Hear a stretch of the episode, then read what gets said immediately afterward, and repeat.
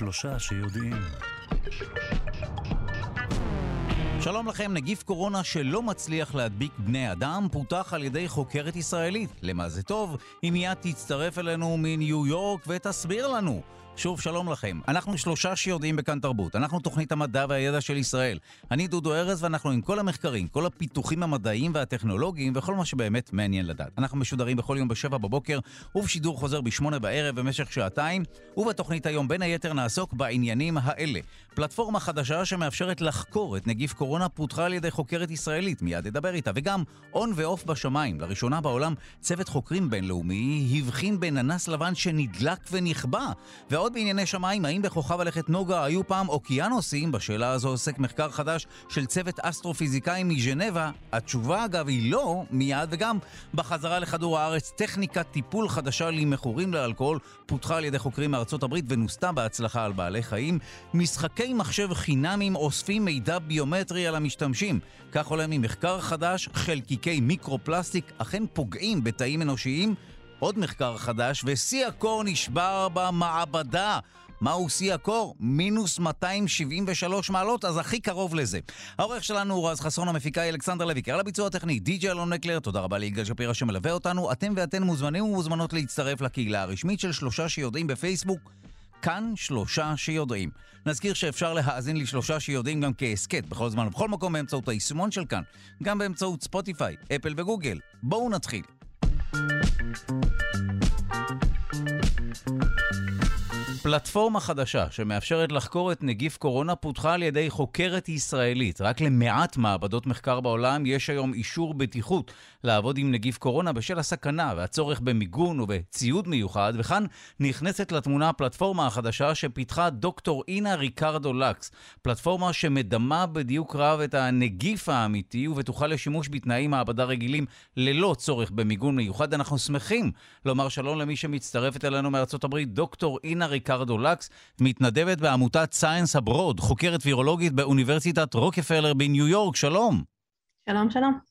בואי נדבר על המצב לפני, אה, שהיה לפני פיתוח הפלטפורמה שלך. איך חקרו באמת את הנגיף? אה, אז המאמר שלנו יצא רק בשבוע שעבר, אז עדיין חוקרים את הנגיף בצורה הזאת. אה, בעצם צריך ציוד מיוחד ומיגון מיוחד ואפילו חדר מיוחד כדי לעבוד עם נגיף הקורונה. אנחנו קוראים לזה רמת בטיחות שלוש, וזה רמת בטיחות מאוד מאוד גבוהה, כלומר האוויר אפילו לא יכול לצאת מהחדר הזה מבלי שהוא עובר דרך איזשהו פילטר. אמ, כדי לא לסכן את הסביבה. אה, אוקיי, okay, ויש שם, שם נגיף אה, קורונה אמיתי, חי, נכון, במרכאות חי. כן, נכון, נכון מאוד. אה, וזאת בעיה, מכיוון שלמעט מאוד מעבדות בעולם יש ציוד כזה. וזה בעצם, גם אם לאנשים שיש להם את הציוד הזה, היכולות שאתה יכול לעשות בחדר כזה, הוא, בעצם אתה לא יכול לעשות הרבה מאוד מהניסויים. אז למשל אתה לא יכול לסרוק אה, אלפי תרופות כמו שלרוב עושים נגד נגיפים, אה, אתה לא יכול לעשות את זה בתנאים כאלה. אה, ולכן כשהתחילה הקורונה אנחנו בעצם החלטנו, אנחנו מעבדה של וירולוגיה, אנחנו קוראים וירוסים, ובעבר פיתחו אצלנו את ה, בעצם מערכת דומה לנגיף צהבת C. והשתמשו במערכת הזאת כדי באמת לסרוק אלפי אלפי תרופות ובסופו של דבר מצאו תרופה שהיום מרפאה מעל ל-95% מחולי הפטייטיס C, צייד C. אה, אז החלטנו לעשות משהו דומה בעצם אה, בשביל נגיף הקורונה. אז ספרי לנו, אה, איך עובדת הפלטפורמה הזו? אז הרעיון הוא כזה, אנחנו בעצם, אפשר לחשוב על זה כאילו יש לנו מכונית מרוץ שהורדנו ממנה את הגלגלים כדי שהיא לא תוכל לנסוע לשום מקום. עדיין אפשר, אפשר ללמוד על איך המכונית הזאת עובדת ואיך המנוע שלה עובד והכל עובד, רק אין לה גלגלים, היא לא יכולה להגיע לשום מקום. אז עשינו משהו דומה עם הווירוס, לקחנו את, ה, את הגנום של הווירוס והוצאנו ממנו את גן שמקודד לחלבון ספייק. אמ, אני בטוחה שהרבה אנשים שמעו על חלבון הספייק, זה החלבון שבעצם נקשר לקולטן ומאפשר לנגיף להיכנס לתוך התאים שלנו. אז ברגע שהוצאנו לו את הספייק, הנגיף בעצם לא יכול להדביק תאים חדשים והוא לא מדבק.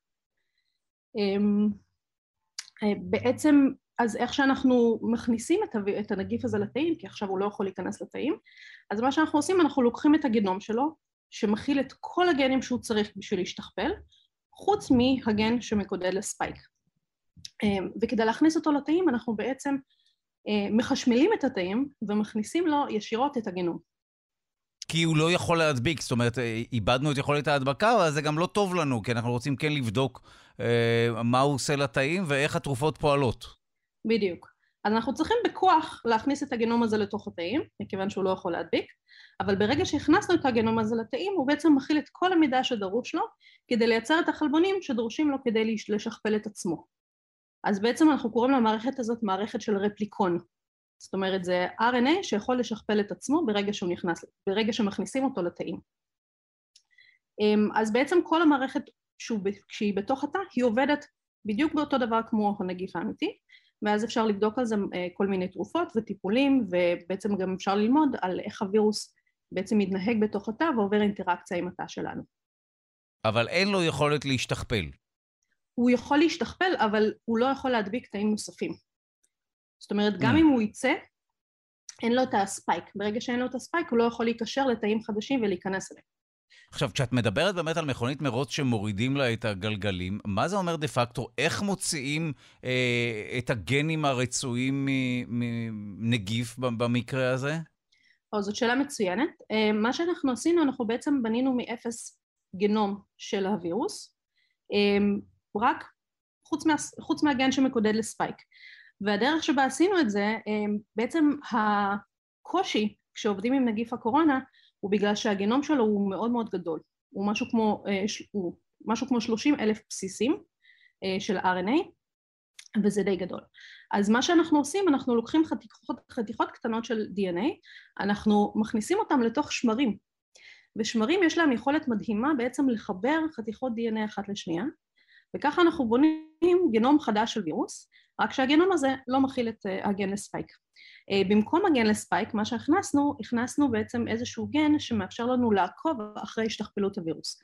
אה, למשל, אנחנו הכנסנו לו גן פלורוסנטי בשם GFP, שזוהר, ואז אנחנו יכולים להסתכל תחת מיקרוסקופ על תאים שהם בעצם משכפלים את הגנום, ובעצם אנחנו יכולים להגיד לזה מודבקים, למרות שהם לא באמת מודבקים בווירוס שמודבק. נשמע שאם הטכנולוגיה הזאת תיפול לידיים או תגיע לידיים הלא נכונות, אפשר יהיה לייצר אה, נגיפים עם תכונות כאוות נפשנו. אני חושב כמובן אה, מתוך אה, פרספקטיבה אפלה מאוד, אבל לא אתם, אבל מישהו אחר יכול לעשות את זה. אז תראה, ליצור גנומים של וירוסים אנשים כבר יודעים. אפשר להירגע, מצב מלחיץ, את אומרת. משהו כזה. אנחנו פשוט לקחנו טכנולוגיה שהיא קיימת, ואנחנו החלטנו להשתמש בה למשהו טוב.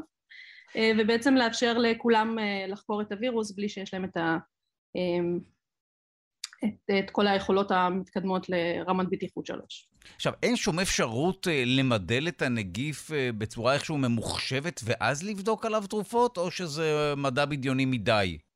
זה כרגע, כרגע לפחות, זה עדיין לא אפשרי. זה לא. צריך את הווירוס פיזית. צריך את הווירוס פיזית. עכשיו, עשינו עוד משהו, חוץ מ...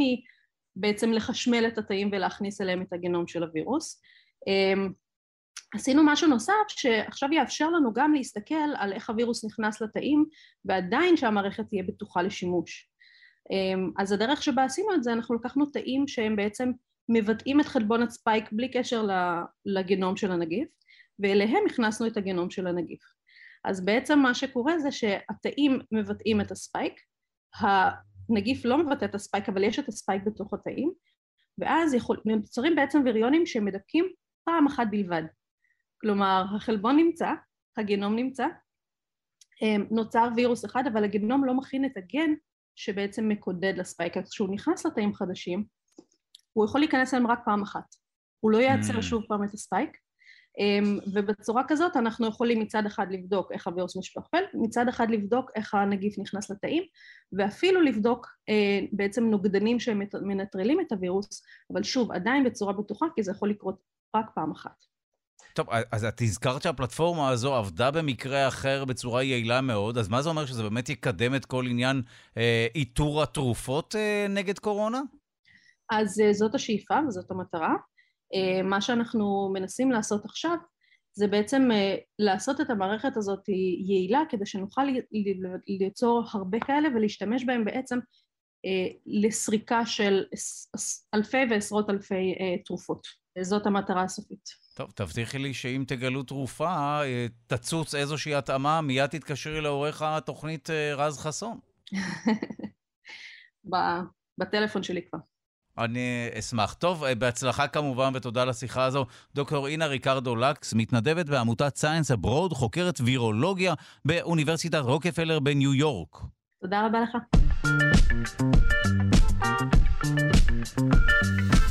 און ועוף בשמיים. לראשונה בעולם צוות חוקרים בינלאומי הבחין בננס לבן שנדלק ונכבה. הם צפו במחזה הזה באמצעות לוויין של נאסא.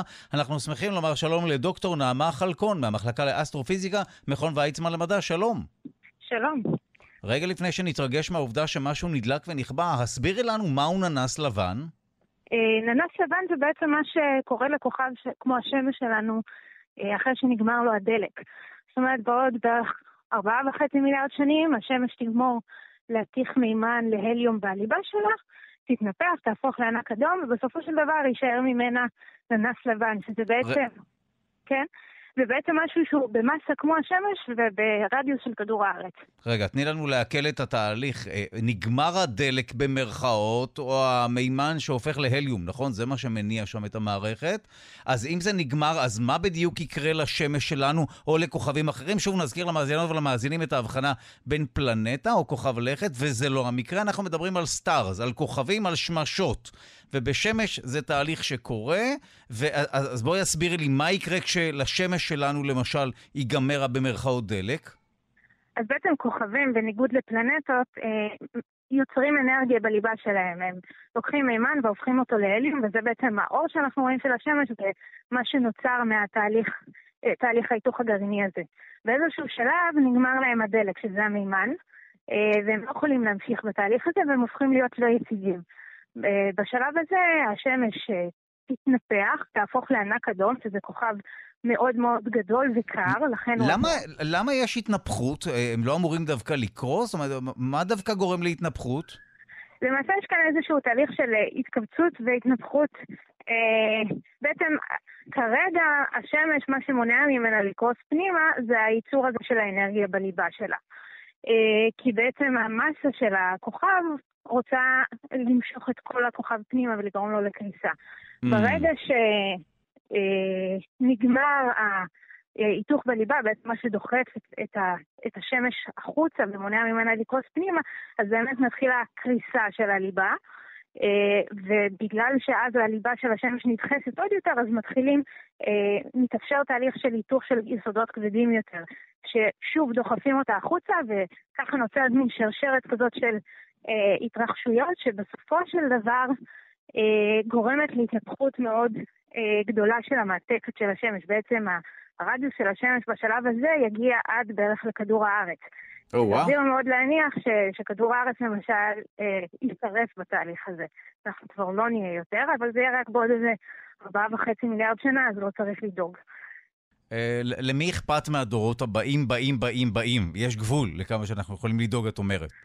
אוקיי, כן. טוב.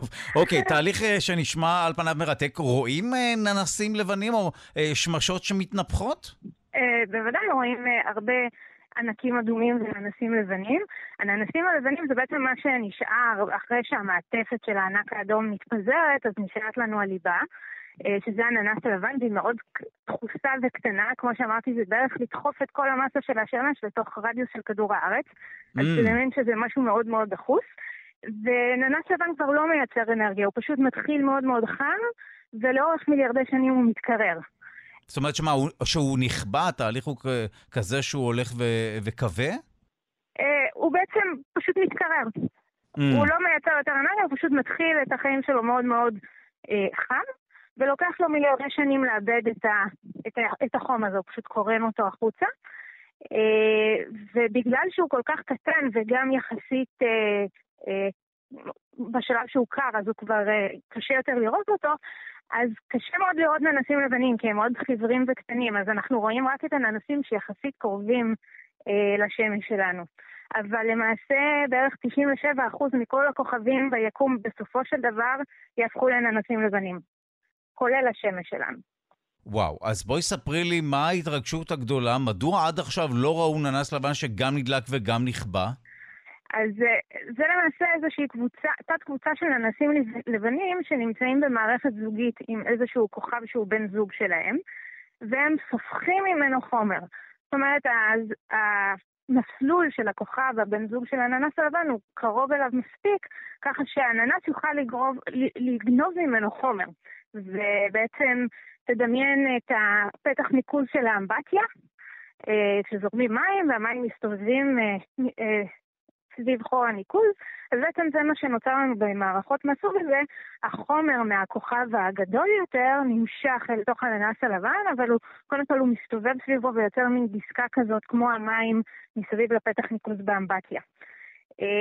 ובדרך כלל מה שרואים במערכות כאלה זה אה, הם, הם יראו לנו הרבה יותר בהירות מננסים לבנים רגילים, בגלל שיש לנו שם את התוספת הזאת של החומר, ולפעמים רואים גם קרינת אה, רנטגן כתוצאה מהשיחה הזאת של החומר על הננס הלבן.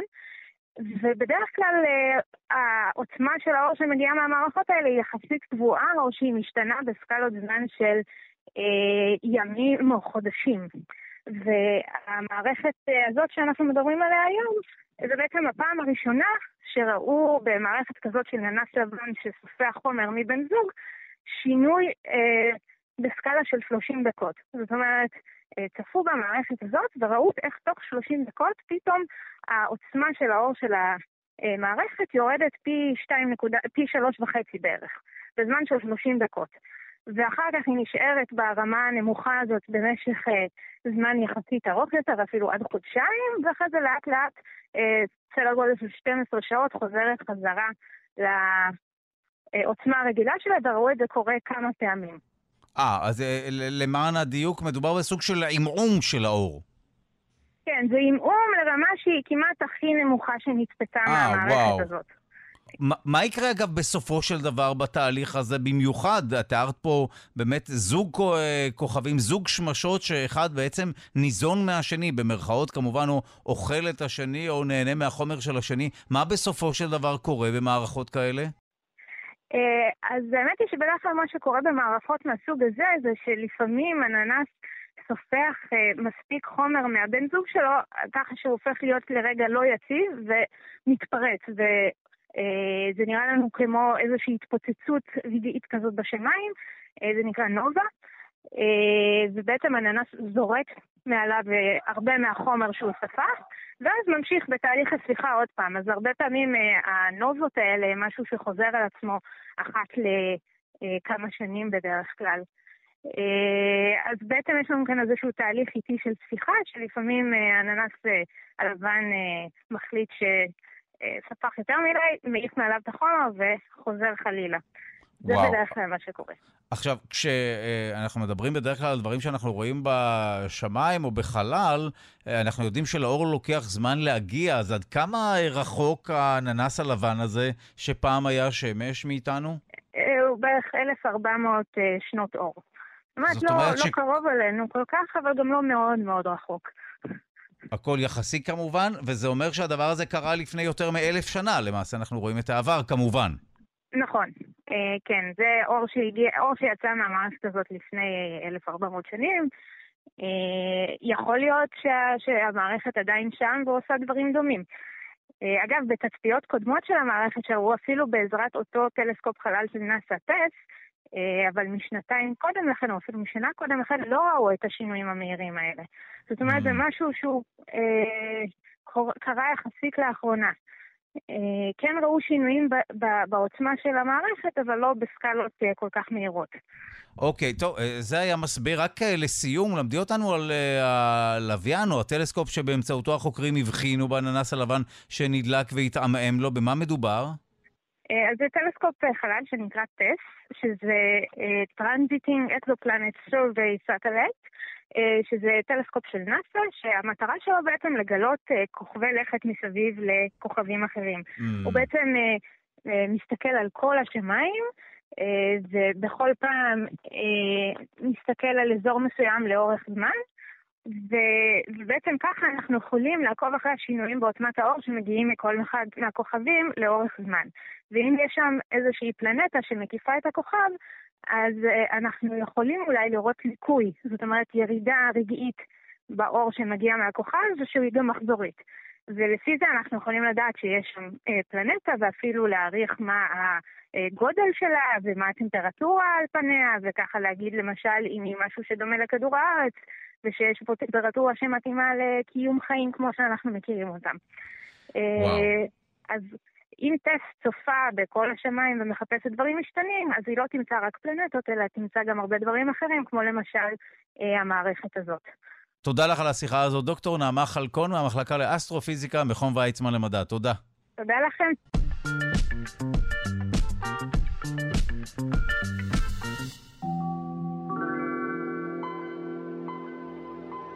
מזל טוב, היום לפני 20 שנה הושקה מערכת ההפעלה Windows XP. אנחנו שמחים לומר שלום למי שאחראי על חגיגות יום ההולדת של מערכת ההפעלה, היועץ הבכיר לאבטחת מידע ומחשוב ב-C Strategy, רועי בינדרמן, שלום.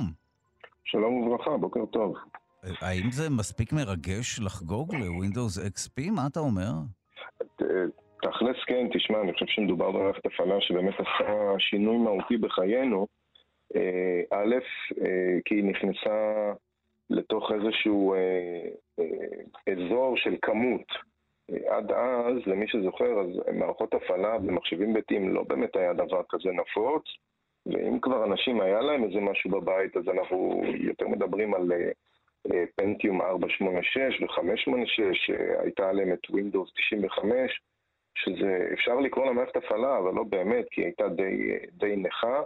ו-Windows XP, קיצור של Experience באנגלית, הוא יצא באמת באוגוסט 2001 פעם ראשונה.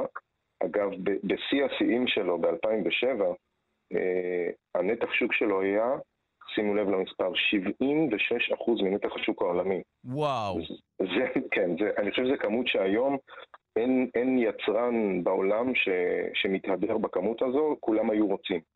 אה, האחוזים היום הם, הם, הם הרבה פחות אה, גבוהים בכל מוצר שהוא לא משנה של איזה חברה, אז הם הגיעו ל-76% מנתח השוק, זה באמת מספרים אה, ענקיים.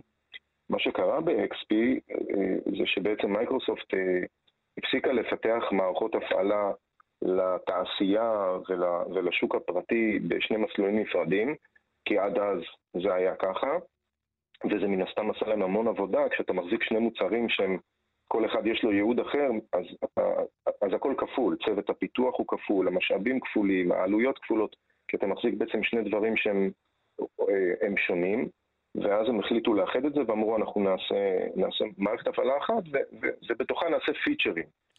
וזו הבשורה של ה-XP? זאת אומרת, מה הבשורה הגדולה של אז, Windows? אז כן, אז בואו נעבור על כמה דברים באמת שהם עשו שם, ומאז אגב, שם הם יצרו את הסטנדרט העולמי הזה, והיום אגב הוא קיים אה, בכל מיני מערכות הפעלה, גם, גם לא דברים של מייקרוסופט, הם יצרו איזה סטנדרט, אז הם יצרו את XP Home Edition, למשתמש הביתי, הם יצרו את XP Professional Edition, הגרסה העסקית, הם יצרו גרסה שנקראה בזמנו Media Center Edition, שזו הייתה גרסה מיוחדת למחשבים סלונים, זאת אומרת שהממשק הגרפי היה, הייתה לו נראות יותר של נגן באמת, שאתה יכול לטעון לתוכו אה, סרטים ותמונות ושירים וכולי, ופחות אה, הנושא של קבצים ומעבדי תמלילים.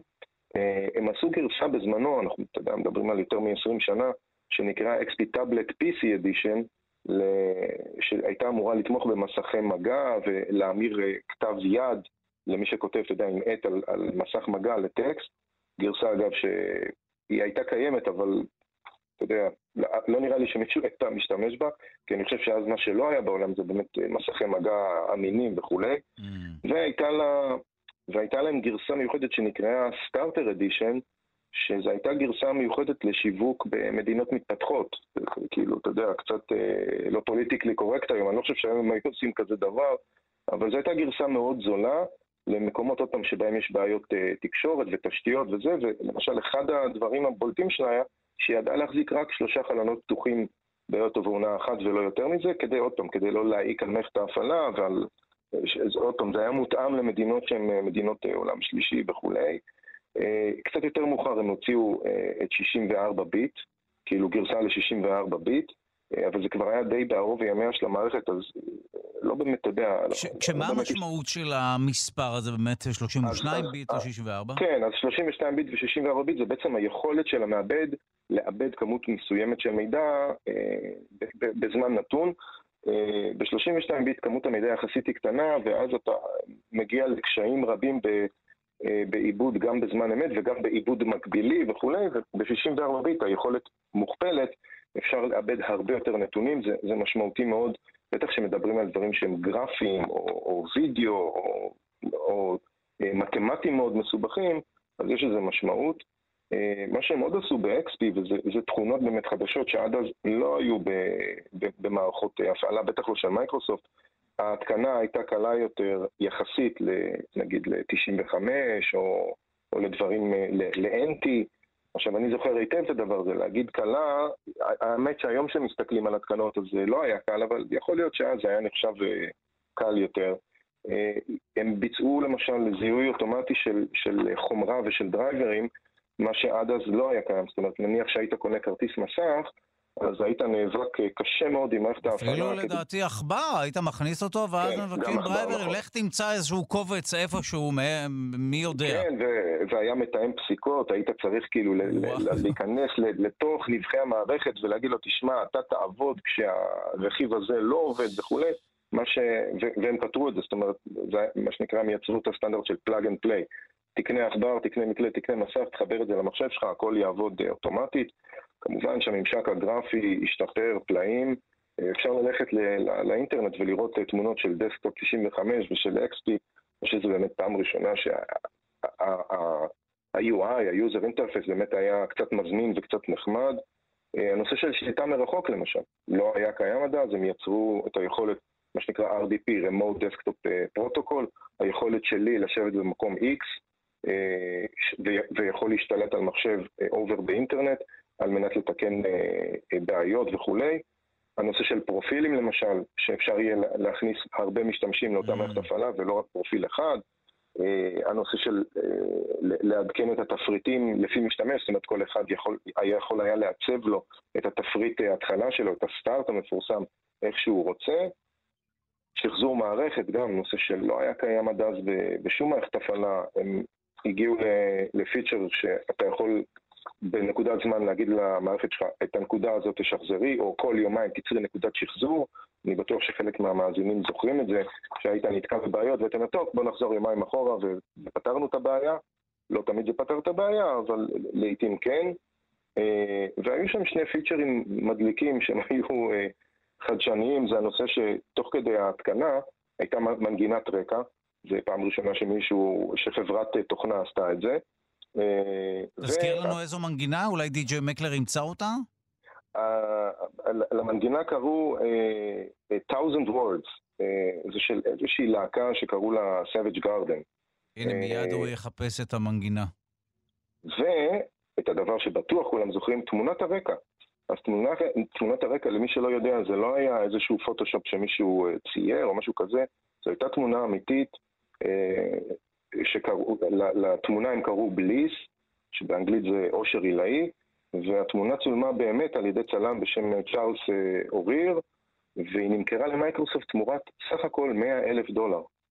אה, היא נחשבת אגב התמונה, תמונת הרקע הכי מפורסמת בעולם. שמע, 100 אלף אה, דולר זה נשמע, לא מעט לתמונה, אבל יחסית ל... כן, לעובדה שהיא הפכה להיות חלק מהחיים של כולם, כן. בדיוק, אם עכשיו נחשוב על התפוצה וזה, כנראה שאם הוא היה יודע את זה, הוא היה מבקש כנראה קצת יותר. אולי לכיוון המיליון דולר, אבל הוא לא ידע, אז הוא מכר את זה רק ב-100 אלף דולר. אה, חוץ מזה שזו הייתה מערכת באמת אה, טובה ויציבה, והיו לה גם, היה הרי Service Pack 1 ו Service Pack 2 ו-3, זאת אומרת, הם עשו המון שיפורים. היו גם הרבה ביקורות על המערכת, אה, בעיקר, בעיקר אגב, בתחום אבטחת המידע, כי ברמה תפעולית, באמת שזו הייתה מערכת סופר סופר מוצלחת, והרבה אנשים גם היום מתרפקים עליה ואומרים, שמע, וואו, זה היה מדהים, והיא באמת הייתה מדהימה, אבל, אבל חשוב לזכור, בתחום אבטחת המידע, שהיום הוא, הוא נישה מאוד מאוד חשובה, אה, אז XP באמת הייתה מאוד חשופה, מכיוון שהיו בה מנגנונים ש... לא למשל היו, אה, לא התיישרו עם הקו למשל של אבטחת מידע, כמו להפעיל אוטומטית תוכנות, כי אז הם חשבו על זה בהיבט תפעולי. טוב, שהמשתמש לא, שלא יתאמץ, הוא יכניס את הדיסק און נגיד עם תוכנה ואנחנו נריץ את הכל. מה, מה שגרם ל... מה שגרם להרבה בעיות, אתה יודע, של התקנת תולעים ווירוסים אוטומטית, לקח המון זמן עד שהם השתלטו על זה. למשל, חשבון, ברירת המחדל של המערכת היה חשבון בהרשאות גבוהות, ואז בעצם אם הגעת אליו וזה היה קל, אז, אז קיבלת שליטה. אבל בסך הכל באמת מדובר על מערכת מאוד מוצלחת שרוב כדור הארץ זוכר כמערכת טובה מאוד. אגב, עד היום היא קיימת, אפשר למצוא אותה עדיין מנהלת קופות רושמות ועוד כל מיני דברים כאלה שאנשים מתקשים להחליף כי החלפה של הדבר הזה אומרת השבתה של כל הארגון למי יודע כמה זמן, ולמשל, אם נגיד נסתכל על קופות רושמות, זה גם להשבית כסף, לא הרבה אנשים יש להם אומץ לקחת את הסיכון הזה. שוב, וכשזה עובד זה עובד, אז זה בסדר. כן, אז, אז זה בדיוק ככה, כשזה עובד זה עובד, ומה שהיום אנשים עושים עם, עם המערכת הזו שהיא רצה אצלם בארגון, הם מאוד מאוד מגינים עליה ולא פותחים אותה לאינטרנט, אבל היא עדיין רצה. ואתה יודע, באפריל 2014 מייקרוסופט רשמית סיימה את התמיכה שלה, אבל שוב, המערכת עדיין חיה אי פה שם כדור הארץ. Windows XP 20 שנה, אנחנו נסיים את כן. השיחה הזו ברשותך, אם באמת ה- היצירה שאמרת שהייתה נשמעת כש, כשמתקינים את, ה-Windows? כן, a thousand words. הנה, אנחנו נשמע את זה אה, מיד בתום השיחה. תודה לך, רועי בינדרמן, יועץ בכיר לאבטחת מידע ומחשוב ב-C Strategy. תודה רבה.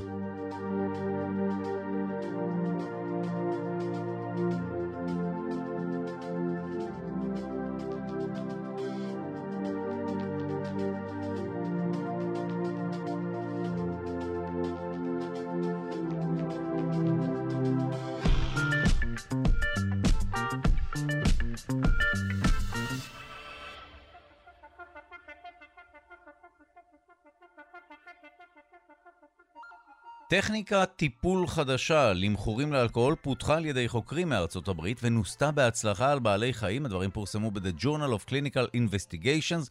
אנחנו שמחים לומר שלום לדוקטור נועה בלדה ממרכז סגול למוח ותודה, אוניברסיטת רייכמן, שלום. בוקר טוב. טוב, כמובן שזו כותרת מפוצצת. מה מסתתר מאחוריה? מהי אותה טכניקה חדשה?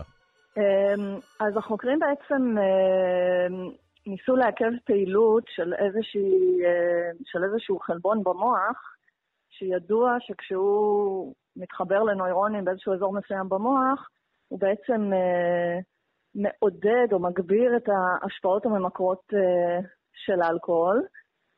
והם עשו את זה בעצם בשתי דרכים. דרך אחת, דרך כימית, לקחו, קודם כל נגיד שוב פעם, גילוי נאות, זה היה מחקר בבעלי חיים ולא בבני אדם. אז הוורסיה הראשונה שהם עשו זה להזריק איזשהו חומר שמעכב את המולקולה הזאת. האופציה השנייה, הם עשו טיפול גנטי, זאת אומרת, הם בעצם פגעו בגן ש... שמייצר את המולקולה הזאת במוח, והם הראו שבשתי השיטות האלה, אותם עכברים, זה היה מחקר בעכברים, בעצם היה מאוד מאוד קשה לגרום להם להתמכר לאלכוהול. וואו, אה, אה, אני מנסה להבין את הדרך השנייה. מה זה אומר שעכשיו צריך לערוך גנטית תינוקות כך שלא יתמכרו בבגרותם לאלכוהול? איך עוזרת לי העריכה הגנטית? אז אתה עושה את זה בעצם אה, בעוברות, עוד לפני שהחיה נולדת, ואיזושהי מניפולציה, לא ניכנס לכל הפרטים הטכניים, אבל מה שאתה בעצם עושה, אתה משתק את הגן, שהתפקיד שלו זה אה, לייצר את החלבון. ואז אותם בעלי חיים נולדים בלי יכולת לייצר את, ה, את החלבון הזה. אה, שוב, אני מנסה להבין איך זה עוזר לנו בני האדם, כי הרי אי אפשר יהיה לערוך גנטית תינוקות, נכון?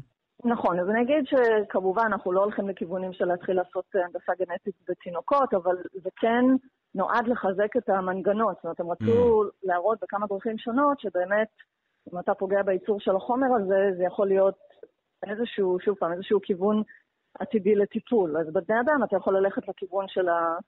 הטיפול הפרמקולוגי, שאתה מעכב את החומר הזה דרך uh, תרופה שאתה נותן, אבל באמת בשביל לחזק את הטענה שלהם, שהנה, זה באמת הדבר המכריע, הם גם עשו את, ה, את המניפולציה הגנטית. עכשיו, אה, אה, אז בואי נדבר על, על המולקולה עצמה. זאת אומרת שבעתיד נוכל לקחת תרופה שתמנע מאיתנו אה, להתמכר בין היתר לאלכוהול. זו, זו השורה התחתונה. נכון, עכשיו אני אגיד שכבר יש תרופה כזאת, שאפילו במשך כמה שנים הייתה מאושרת לשימוש במדינות של האיחוד האירופי. הבעיה שלה הייתה שהיו לה תופעות לוואי מאוד בעייתיות, היא הייתה גורמת לאנשים לדיכאון וחרדה, אז הפסיקו להשתמש בה, היום היא כבר לא מאושרת לשימוש. והם הנדסו פה איזשהו מנגנון שעובד קצת אחרת, שכנראה, לפחות ממה שהם הראו במחקרים בעכברים, לא יוביל לתופעות הלוואי האלה. אז, אז ו... זה לא, זאת אומרת, כבר יש כיוונים כאלה של טיפול פרמקולוג, פרמקולוגי בהתמכרויות, אבל כרגע לא מוצלחים במיוחד בגלל תופעות הלוואי. והם פשוט מציעים פה מנגנון חדש. עכשיו, בכל פעם שמדברים על uh, השתקה או מניעה של חלבון מסוים וכולי שקשור לאיזשהו תהליך, אנחנו יודעים הרי שאיכשהו הדברים הם יותר מורכבים, וחלבון אחד הוא גם רלוונטי לעוד תהליכים וכולי. אז uh, לא יכול להיות שגם במקרה הזה אנחנו נפסיד עוד משהו במקביל להפסד במרכאות כמובן של היכולת להתמכר? זה תמיד יכול להיות, ואני אומרת, לכן גם לתרופות יש תופעות לוואי, כי אתה לא יכול להגיד לתרופה, ברגע שאתה מכניס אותה באופן שיטתי למוח, אתה לא יכול להגיד לה לכי רק למקום אחד. אה, אבל אתה יודע, אנחנו הולכים ונהיים יותר ויותר משוכללים, וכבר יש היום דרכים, אני אגיד, לעזור לתרופות לעבוד בצורה יותר ממוקדת, אם כי שוב פעם, תופעות לוואי, אנחנו יודעים שזה קיים. ונזכיר, זה מחקר בעכברים, אנחנו יודעים שמהרגע שעושים מחקר בעכברים ועד שזה מגיע לבני אדם עוברות כמה שנים טובות. טוב, אה, אני רק אה, מנסה לברר האם לא מדובר בקונספירציה, כי הרי אה, אסור לשתות אלכוהול במקביל לנטילה של תרופות, אז יכול להיות שזו תרופת דמה ופשוט אוסרים עליי לשתות וכך אני נפטר מההתמכרות? עוד פעם, לא הבנתי את השאלה. בדרך כלל ממליצים לאנשים לא לצרוך אלכוהול במקביל לנטילה של תרופות, כלשהן. אז יכול להיות שהתרופה הזו זו, זו פשוט סוג של קונספירציה, ואין שם שום חומר כימי פעיל, אנשים נוטלים אותה ואז פשוט נאלצים לא לשתות. אה, הלוואי שזה היה ככה, אבל uh, לא נראה לי שזה מה שהחוקרים עשו פה. אוקיי, אוקיי. רק בדקתי את האפשרות המופרכת הזו. בסדר גמור, אוקיי. זה היה חומר, uh, חומר פעיל. הייתה קבוצת ביקורת, כמובן, והיא כן קיבלה את החומר המדומה, אבל, uh, אבל הרי... לא, זה אמיתי. הרי כנראה שיש סיבה אבולוציונית לה, להתמכרות שלנו, נכון? כנראה שזה כן שירת אותנו בעבר. אה, תראה, התמכרויות יושבות בעצם על מנגנונים שהמטרה שלהם זה לעזור לנו לזהות אה, דברים שעושים לנו טוב. פעם דברים שעושים לנו טוב היה אוכל, אה, למשל, עתיר קלוריות, והיום זה אלכוהול וסמים ועוד כל מיני דברים, אבל שוב, בבסיס התמכרות זה מנגנון של של למידה שקצת יוצא מכלל שליטה. כן, בטח ב, ב, בתרבות המערב כרגע. נכון, נכון. טוב, אולי צריך לעדכן באמת את המנגנונים האבולוציוניים, או לשלוט בהם באמצעות תרופות, כדי שיתאימו את עצמם למציאות. אה, גם תרופות, וגם, אתה יודע, אה, חיזוק החוסן שלנו בפני פיתויים שקשה לנו נכון, לגמרי, או הבנה, מספיק אפשר להסתפק בלהבין מה אנחנו מכניסים לפה וכולי. טוב, תודה רבה לדוקטור נועה אלבלדה אה, ממרכז סגול למוח ותודה, אוניברסיטת רייכמן. תודה. בשמחה.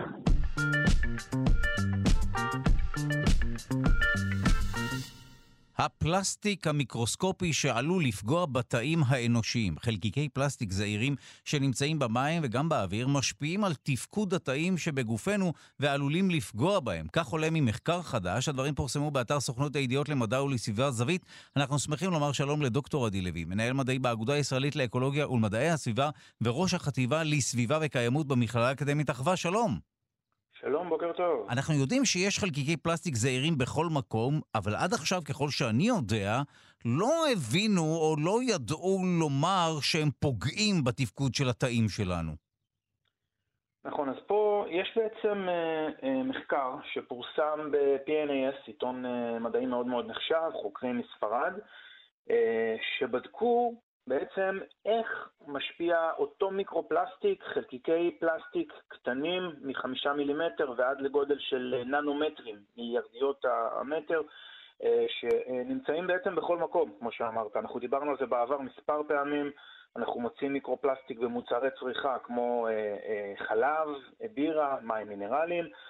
אנחנו מוצאים מיקרופלסטיק בבריזה, ברסס של הגלים, אנחנו מוצאים אותו על פסגות של הרים, מוצאים אותו ממש בכל מקום בסביבה שלנו. ועד עכשיו לא ממש היה ברור, אה, לפחות מיקרופלסטיק, כשמתעופף לנו או מסתובב לנו בסביבה או במוצרי הצריכה, לא היה ברור מה ההשפעה הבריאותית, או האם יש כזו, השערה אחת הייתה שהוא פשוט עובר לנו דרך הגוף וממשיך הלאה, והשערות אחרות דיברו על כך שיכולות להיות כל מיני תופעות בריאותיות כתוצאה מהצריכה של כמויות הולכות ועולות באמת של מיקרופלסטיק בחשיפה הסביבתית שלנו. אז החלקיקים האלה נמצאים בכל מקום, גם בגוף שלנו, גם לאחרונה פורסם מאמר שאולי זה קיים בשליה וכולי, זה מגיע עד לעוברים האנוש... זה נמצא בכל מקום.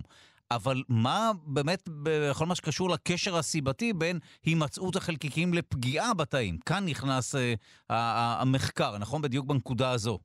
נכון. אה, אז בעצם, אה, באשר להשפעות בריאותיות, אנחנו יודעים למשל בים, שהחלקיקים נמצאים בים, אה, אותו פלסטיק נכנס לים, מתפרק כתוצאה אה, פלסטיק שמגיעה לים, מתפרקת כתוצאה מקרינת השמש, אנרגיית הגלים, המלח, למיקרופלסטיק, ואותו מיקרופלסטיק שהוא בים, בסביבה, יכול לצבור עליו מגוון רחב של חומרים הידרופובים, חומרים שפוחדים ממים, כמו הפלסטיק, אה, ובעצם נצמדים אליו שמנים, אה, PCB, כל מיני מזהמים, אה, חומרי הדברה, מגוון רחב של מזהמים. אבל כשמדובר על פלסטיק שהוא חלק, מ, למשל, מהאריזה של חלב, או, או, או פלסטיק שהוא חלק מבקבוק של מים מינרליים שאנחנו צורכים אותו, אז אין בעצם את המזהמים הסביבתיים האלה, ולכן נשאלת השאלה איזה השפעה בריאותית יכולה להיות פה, כי אין פה בעצם, או לא אמורים להיות פה חומרים נלווים מעבר לפלסטיק עצמו. ואותם חוקרים ספרדים, מה שהם עשו, הם בעצם עשו אה, סדרה של ניסויים אה, ולקחו אה, חלקיקים, חלקיקי מיקרופלסטיק, אה, מין בידים כאלה, חלקיקים קטנים, בגדלים של בין 0.8 ל-10 מיקרומטר, אה, על פיות המילימטר בעצם, והם רצו לבדוק את האינטראקציה בין אותם חלקיקים לבין הקרום התא, קרומי התאים שלנו, הממברנות, אותה ממברנה שומנית שעוטפת את התאים אה, שבגופנו ולא רק, בכלל אצל יצורים חיים, והם בדקו בשלב הראשון איזשהו מודל. הם, לפני שהם התחילו ממש בדיקה אה, פיזית, הם בדקו, אה, יצרו איזשהו מודל, ומודל ממוחשב, כדי לראות מה צפויה להיות ההשפעה של הצמדות חלקיקי מיקרופלסטיק אל קרומתה, אה, ובעצם גם הם, אה, חלקי המיקרופלסטיק, כמו שאמרנו, הם הידרופובים, קרומתה הוא שומני, לכן יש אה, משיכה ביניהם, וכשהסתכלו מה, מה הם תוצאות המודל, ראו ש, ש, שהחלקיקים בעצם, ככל שהריכוז שלהם עולה, יש עלייה במתח הפיזי של קרומתה, בעצם לחץ, לחץ מכני על קרומתה, אה, ובתוך קרום התא יש אה, מגוון רחב של תעלות, חלבונים, אה, ולכן שיערו כבר שעלולה להיגרם פה עקה מסוימת. אחר כך, בשלב השני, בעצם הם בנו, בחנו את ההנחות של המודל הממוחשב, הם בנו קרום תא מלאכותי, והשרו אותו בנוזל שהכיל חלקיקי מיקרופלסטיק בגדלים שונים, והם מצאו מה שהם שיערו ובעצם ראו במודל, הם מצאו בפועל על, אותה, על אותו קרום תא מלאכותי, מצאו שהמתח שנמדד בקרום התא עלה ביחס ישיר לריכוז המיקרופלסטיק. זאת אומרת שככל שהיה יותר מיקרופלסטיק בתמיסה, אה, כך המתח בא, אה, באותו, באותה ממברנה הלך ועלה. אה, ואז מה זה יכול לעשות לתא עצמו? זאת אומרת, בואו ניקח את זה צעד אחד קדימה. אוקיי, אז יש פה זאת שאלה טובה, אבל בדרך כלל אה, אנחנו רואים תהליכים כאלה אה, כשיש איזושהי עקה חמצונית או תהליך דלקתי. פה מדובר על תהליך מכני בלבד. בעצם ההצמדות של החלקיקים אה, מעלה את, ה, את הלחץ על קרומתה, מעלה את המתח של, של קרומתה, ומה שהם עשו בשלב שלישי זה ממש לקחת תאי דם אדומים. תאי דם אדומים ולשים אותם בין אה, שני אה, אה, מזריקים נקרא לזה, פטורים כאלה זעירים, ולהפעיל עליהם לחץ. ומה שהם ראו זה שתאי דם אדומים התפרקו הרבה יותר מהר כשהסביבה שלהם הכילה מיקרופלסטיק. בעצם, כשהם לקחו תאים ללא מיקרופלסטיק, התאים האלה היו עמידים ליותר לחץ, וברגע ששמו את אותם חלקי מיקרופלסטיק, ראו שהממברנה, אה, היציבות שלה הרבה פחות גבוהה, והיא פשוט מתפרקת בלחץ יותר נמוך. עכשיו, מפה אה, להגיע להשלכות בריאותיות זה, זה קצת רחוק, אבל אנחנו מבינים שיש פה השפעה פיזיולוגית ככל הנראה על ממברנות התאים. וההנחה היא שככל שיהיה לנו בגוף יותר מיקרופלסטיק, ככל שהוא קטן יותר גם הוא יכול לחדור למערכות נוספות בגוף, לעבור את מערכת העיכול, להגיע לדם. אז ככה בעצם עלולה להיות פה עקה גדולה יותר. אבל המרחק בין הניסוי הזה, שהוא ניסוי, ניסוי בעצם בהתחלה עם מודלים וניסוי יחסית מחקר בסיסי, המרחק בינו לבין אה, ממש אה, קישור לתחלואה הוא עדיין אה, רחוק, צריך להמשיך לבדוק את זה.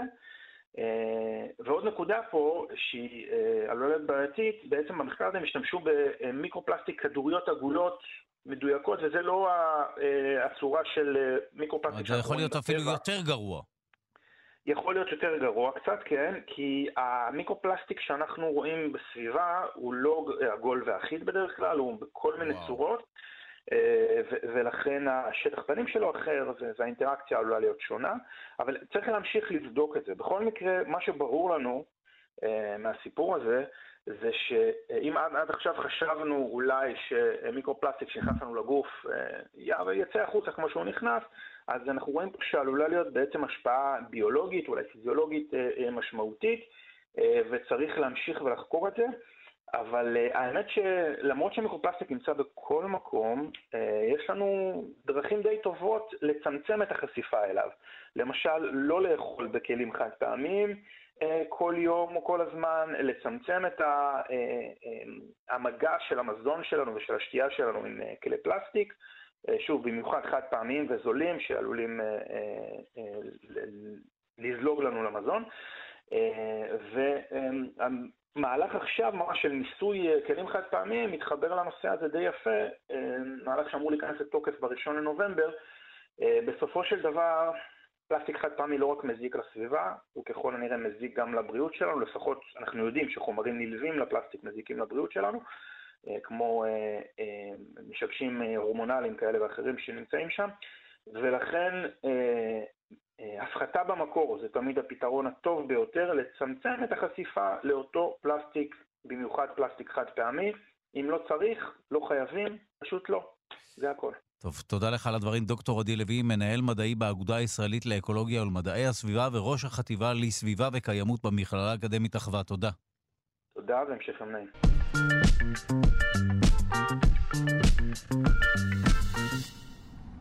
שיא הקור. נשבר שיא הטמפרטורה הנמוכה ביותר שחוקרים השיגו בתנאי מעבדה. מדובר בחוקרים מאוניברסיטת ברמן בגרמניה, שהצליחו להגיע לטמפרטורה הנמוכה ביותר שתועדה אי פעם בתנאי מעבדה. הדברים פורסמו בכתב העת פיזיקל ריוויו לטרס. אנחנו שמחים לומר שלום לפרופסור לב חייקוביץ', ראש המעבדה לאטומים קרים, המכון לננו-טכנולוגיה וחומרים מתקדמים, אוניברסיטת בר אילן. שלום. שלום, שלום. פרופסור חייקוביץ', רגע לפני שנדבר על השיא שנשבר במעבדה בגרמניה, מה זה אומר, מה זה אומר אטומים קרים? כן, זה באמת uh, בדיוק המערכת שהשתמשו uh, חוקרים uh, בגרמניה כדי להשיג את הטמפרטורה הזאת. זה גז של אטומים, שמביאים אותם לטמפרטורה מאוד מאוד קרה. כמו, שנה, כמו שכולם מכירים גז בטמפרטורת החדר שבו אנחנו כל הזמן מסתובבים ונושמים, אמ, אנחנו במעבדה מצליחים לקרר את הגז הזה לטמפרטורות קרובות מאוד לאפס מוחלט. וכשמקררים גז, אז מה קורה לו? הוא, הוא, מה, הוא הופך למוצק? מה קורה לו? כן, זה בדיוק ההבדל בין uh, גז uh, רגיל בצפיפות מאוד גבוהה, שאכן uh, אם מקררים אותו אז הוא מגיע קודם, אז הוא הופך לנוזל ואחר כך הופך למוצק. לא, הגז שלנו הוא בצפיפות הרבה יותר נמוכה, הרבה הרבה סדרי גודל יותר נמוכה, ולכן הוא נשאר גז גם בטמפרטורה מאוד נמוכה. זה עדיין נשאר גז. עדיין נשאר גז. טוב, אני למדתי לפחות, ככה אני זוכר משיעורי, אני לא זוכר אם זה היה כימיה או, בי, או, או פיזיקה, אבל שהטמפרטורה הנמוכה ביותר בעולם היא מינוס 273 מעלות. זה נכון? למדתי נכון? אכן, לגמרי נכון. לגמרי נכון. אז בוא ספר לי, מה זה אומר שאין דבר בטבע שהוא באמת הגיע לטמפרטורה הזו? מה זה אומר שאנחנו רק מתקרבים לטמפרטורה הזו? טוב, אי אפשר באמת להשיג את הטמפרטורה של אפס מוחלט, כי אז... Uh... איכשהו אנחנו אה, מאבדים את כל אה, הרעש שקיים בעולם, אה, כל הר... הכל מוקפא, ו... ו... וזה הטמפרטורת השיא שעקרונית אי אפשר להשיג אותה. בשום דרך מעשית אי אפשר להגיע לטמפרטורה הזאת. אפשר להתקרב, כמה שאנחנו יכולים יותר קרוב לאפס המוחלט, אבל תמיד יישאר איזשהו רעש טרמי באולם שימנע מאיתנו להגיע לטמפרטורה של אפס המוחלט. אבל אנחנו קרובים מאוד. שמה זה אומר, ברמה הפרקטית, מה זה אומר שאטום נמצא במצב של מינוס 273 מעלות? מה קורה לו? מה, הוא, זה הוא... אומר שהתנועה הטרמית, זאת אומרת המהירות שלו בעצם אה, נהיית מאוד נמוכה. אה, לדוגמה, אם אנחנו מסתכלים על גז בטמפרטורת החדר, הטמפרטורה, אה, טמפרטורה של חדר מהווה בסופו של דבר, מתורגמת למהירות גבוהה של uh, אטומים. Uh, מהירות ממוצעת היא כמה, כמה מאות מטרים לשנייה. Um, וכאשר אנחנו uh, מביאים את הגז לטמפרטורה מאוד נמוכה, זה אומר שהמהירות של האטומים יורדת משמעותית. לכמה עשרות סנטימטרים לשנייה, ואחר כך לסנטימטרים לשנייה, ופחות מזה. והניסוי שאנחנו מדברים עליו, הם באמת הגיעו לשיא של אה, מהירות הכי נמוכה של, של אטומים, שזה כמה עשרות מיקרונים לשנייה בלבד. עכשיו, רק, אה, אה, שוב, אני מנסה להבין, כי אנחנו רגילים למצב שבו כשחומר מוצק, אנחנו לא רואים, כי אני רואה אגרטל, אז הוא לא נע קדימה. אה, זה אומר שמה, שהאטומים שלו, אה, אה, בכל זאת, הם כן רוצים לנוע קדימה? זאת אומרת, איך זה מסתדר עם העובדה שאנחנו רואים? החומר המוצק בנוי טיפה אחרת. החומר המוצק, קודם כל, בנוי מסריג מאוד מסודר. אה, זה פשוט כלואים שם בתוך שריג. בדיוק, הם כלואים, mm. ואז הטמפרטורה בעצם מתורגמת לתנועה מסביב למקום שבו הוא כלוא בתוך השריג. אמ, ו, אבל הגז אה, זה מצב צבירה אחר, שבו אין סדר במרחבי בין האטום. ואז... כל אה, האטומים אה, מסתובבים הבנ... חופשית. וואו. ואז הם יכולים להתנגש אחד בשני בגלל הצפיפות שלהם, אבל הם לא מוקפאים ולא מוגדר להם איזשהו מקום מסוים. בסדר הזה. אז הנה למדנו קודם כל, מי שלא מכיר, שאפשר להגיע לטמפרטורות גבוהות, לדעתי זה, זה עד אה, חם מאוד, עד שאיפה לאינסוף, אבל הקור... אין יותר קר ממינוס 273 מעלות. איך פרקטית מגיעים לטמפרטורה הזו? איך גורמים לאטום להגיע לטמפרטורה הזו? וואו, זו מערכת אה, קצת יותר מסובכת. אה, זאת אומרת, יש כמה וכמה שלבים בתהליך של הקירור. הכי מוזר שהשלב הכי משמעותי כדי להגיע מטמפרטורת החדר לטמפרטורות קרובות אה, לאפס המוחלט, עושים בעזרת לייזר. אה, עושים אינטראקציה בין אטומים לאור, ואם מכוונים את כל הפרמטרים בצורה נכונה, זה מה שמאפשר בסופו של דבר אה, לקרר את האטומים לטמפרטורה מאוד נמוכה. אבל מי שעושה את זה, עד כמה שזה נשמע מוזר, זה אור של לייזר. לייזר, אוקיי, טוב, שמע, אלה דברים שבאמת הם לא נתפסים, לפחות לא בעיני או במוחם של אנשים אה, מן השורה שרגילים לאוקיי, קרח, ארבע מעלות, אפס מעלות וכולי, אבל כאן מדובר באמת באטומים שכמעט מפסיקים לנוע. נכון מאוד, כן. והכי מוזר שמה שבאמת עוזר להם לעשות את זה זה המכשיר אה, של אור, אה, שמקרין אור שקוראים לו לייזר. אמ, אבל זה אולי נושא קצת יותר אה, רחב, זאת אומרת, אה, נצטרך להסביר פה לא מעט דברים כדי להסביר בדיוק את כל השלבים לקרר את המערכת. אולי מה שיותר מעניין זה, זה להבין למה עושים את זה נכון ומה באמת השיגו ה... שאלה מצוינת, אז אם תוכל להתמודד עם השאלות הקשות האלה. אז אה, באמת המטרה של אה, החבר'ה בגרמניה היה באמת אה, להגיע למהירות כמה שיותר נמוכה של אטומים. הסיבה שעושים את זה זה בעצם להרוויח את הזמן כדי למדוד את אותם אטומים והמטרת העל היא לנסות למדוד קבועי טבע בדיוק מאוד מאוד גבוה. דיוק מדידה של כל, כל, מדידה שאנחנו רוצים לעשות אותה מאוד מדויקת, אה, מצריכה בעצם, אה, אה, היא צריכה זמן. אנחנו צריכים להרוויח זמן כדי למדוד את אותו האובייקט ש, שעליו אנחנו מודדים. והאובייקט במקרה כזה זה האטום. אז אם הוא נע במהירות של מאות מטרים לשנייה, כמו שקורה בטמפרטורת החדר, אז אנחנו תופסים אותו לזמן נורא קצר, לזמן הרבה יותר קטן משנייה, כי בשנייה אחת אה, בתנועה חופשית הוא יכול לנוע כבר מאות מטרים, אנחנו לא נוכל להשיג אותו, נכון? הוא מהיר מדי מבחינתנו. אבל אם אנחנו מגיעים למהירויות, מהירויות מאוד נמוכות, כמו כמה עשרות מיקרונים בשנייה, אז יש לנו הרבה מאוד זמן לעקוב אחרי זה. ואז אנחנו יכולים למדוד במשך שנייה, אפילו שתי שניות ושלוש שניות, וכל מדידה הזאת הופכת להיות מדידה מאוד מדויקת ומאפשרת לדעת קבועי טבע, כמו למשל קבוע גרביטציה אה, בדיוק מאוד גבוה. זאת אומרת שיש השלכות פרקטיות אה, לניסיון הזה לשבור שיאים בתחום הקור. לגמרי, אה, בוודאי, לא, לא עושים אה, סתם כדי להגיע לטמפרטורה מאוד נמוכה, יש...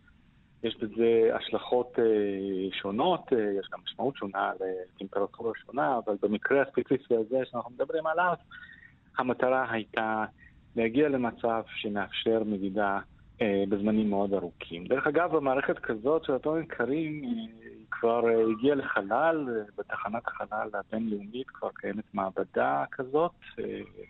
שהחוקרים מארצות הברית שלחו אותה לחלל, והמטרה היא די אותו דבר, כי בחלל החיצוני אנחנו כן אה, נרוויח הרבה זמן אה, למדוד אה, תנועה איטית של האטומים, כי ברגע שאנחנו מגיעים לתנועה איטית מאוד של האטומים, מה שמפריע לנו בסופו של דבר למדוד אותם לזמן מאוד ארוך זה גרביטציה, זה שהאטומים נמשכים לכדור הארץ. Mm, הרי. ברגע שאנחנו משחררים, נמצאים במלכודת, אבל בתוך המלכודת קשה מאוד למדוד uh, אטומים בצורה מדויקת. הם uh, מושפעים על ידי קירות של המלכודת. ואז הכי טוב זה לשחרר אותם, שהם uh, ינוע בצורה חופשית. אבל ברגע שהם משחררים אותם מהמלכודת והם נעים בצורה חופשית, הם מתחילים ליפול. בגלל המשיכה לכדור הארץ. אין מה לעשות, צריך לעשות את ה... לבצע את הניסויים האלה במעלית שנופלת בנפילה חופשית, או מעבדה שנופלת בנפילה חופשית. זה בדיוק מה שעשו אה, חוקרים בגרמניה. אה, כן? הייתי בטוח. לצערי הפאנצ'ים שלי מתגלים להיות אה, אמת, כן, אוקיי. כן, אוקיי. זה בדיוק מה שהם עשו, הם הלכו אה, למעבדה בברמן, יש מגדל גבוה. די. drop, כן, זה קוראים לזה... ברמן Drop Tower. פשוט השליכו דבר... משם uh, חוקרים עם, עם, עם כל המבחנות והלייזרים. וואו. החוקרים לא נופלים, וואו. אבל וואו. כל המצלמות וכל המערכת הניסיונית אכן נופלת uh, בצניחה חופשית במשך uh, אה, 100 מטר, זה מגדל גבוה, 140 מטר בגובה, ונוצרים שם תנאים של נפילה חופשית. כדי uh, לבטל את ה... Uh, uh, או כאילו לנוע יחד עם התאוצה כתוצאה מהמשיכה לכדור הארץ. תודה לך, פרופסור לב חייקוביץ', ראש המעבדה לאטומים קרים, המכון לננו-טכנולוגיה וחומרים מתקדמים, אוניברסיטת בר אילן. תודה. בשמחה, להתראות.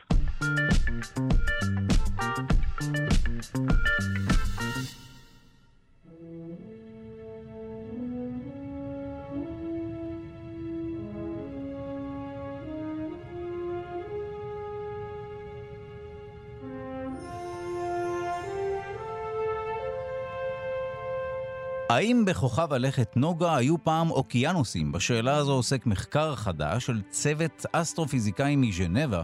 תוצאות המחקר פורסמו בכתב העת Nature. אגב, התשובה היא ככל הנראה לא. אנחנו שמחים לומר שלום לדקאם בית הספר לקיימות באוניברסיטת רייכמן, חוקר האטמוספירה וחלל, פרופסור יואב יאיר, שלום.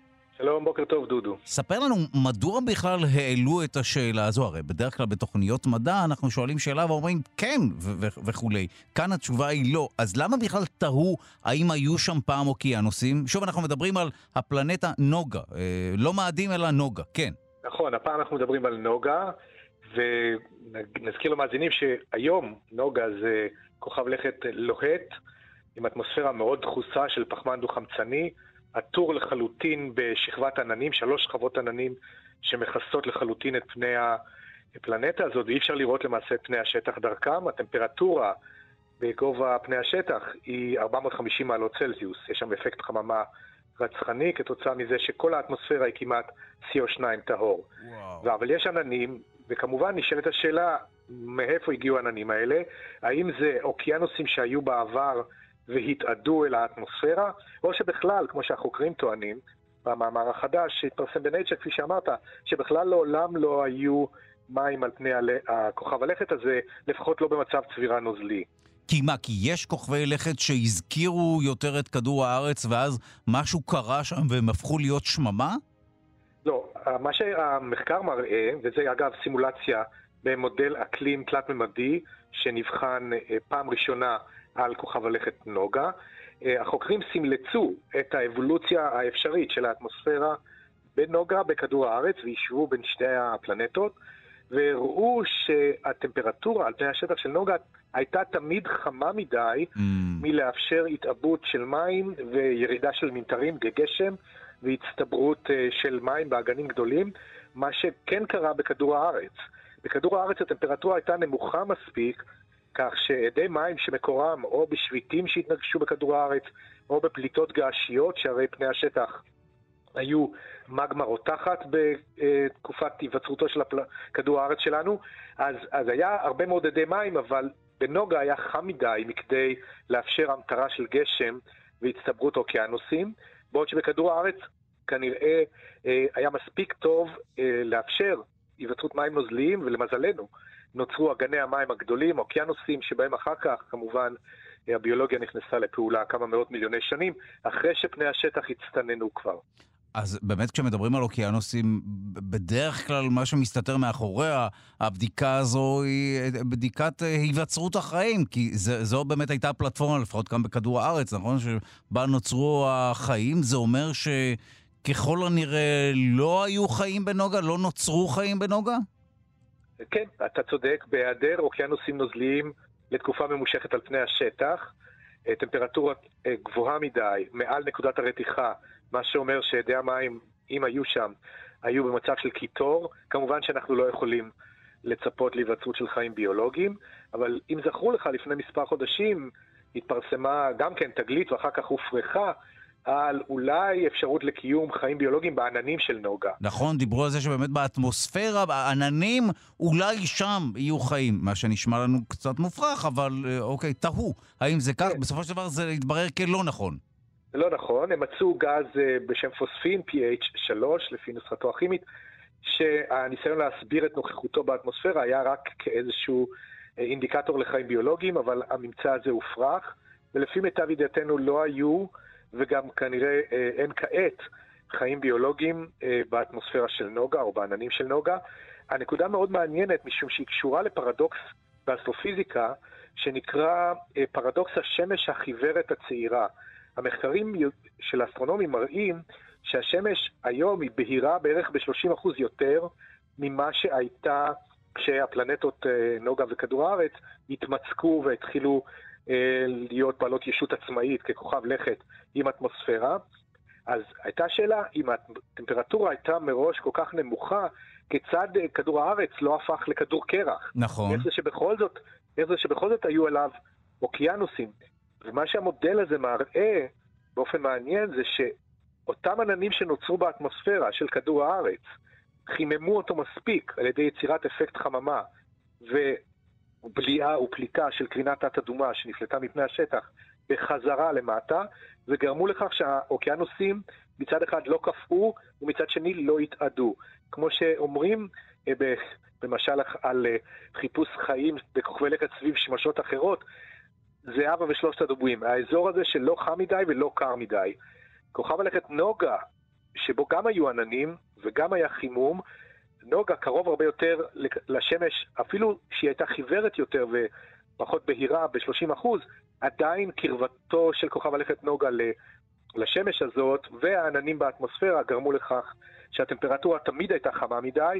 זאת אומרת, הדייסה בזהב השלושת הדובים לא הייתה טובה להיווצרות חיים בנוגה, אבל כן אצלנו.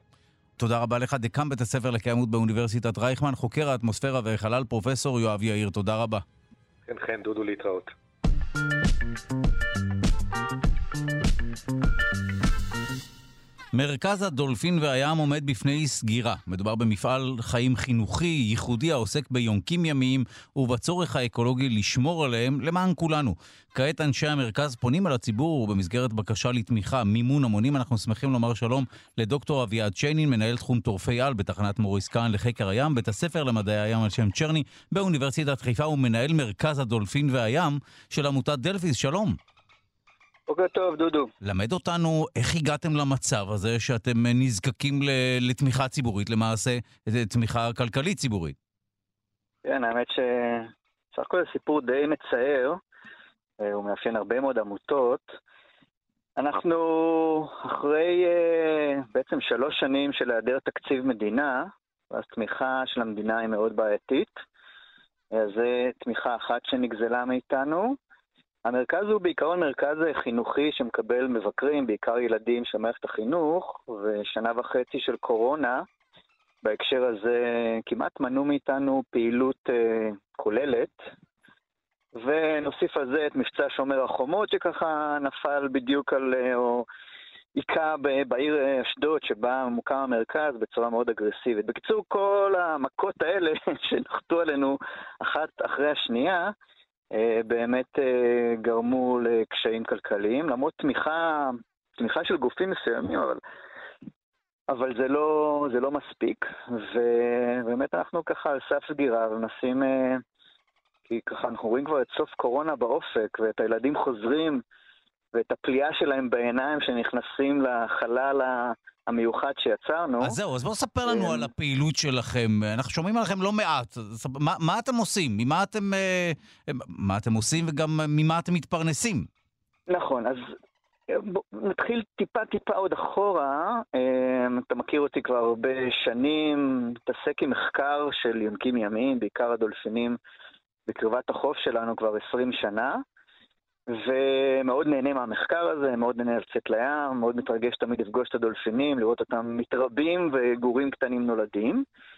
ובאיזשהו שלב הבנתי שרק לפרסם את זה לקהילה המדעית ורק uh, ככה uh, לשמור את זה במגדל השן, uh, זה משהו שהוא פחות מדבר אליי. ו- ולכן היה לי מאוד חשוב להתחיל לפתוח את זה, לפתוח את זה לציבור.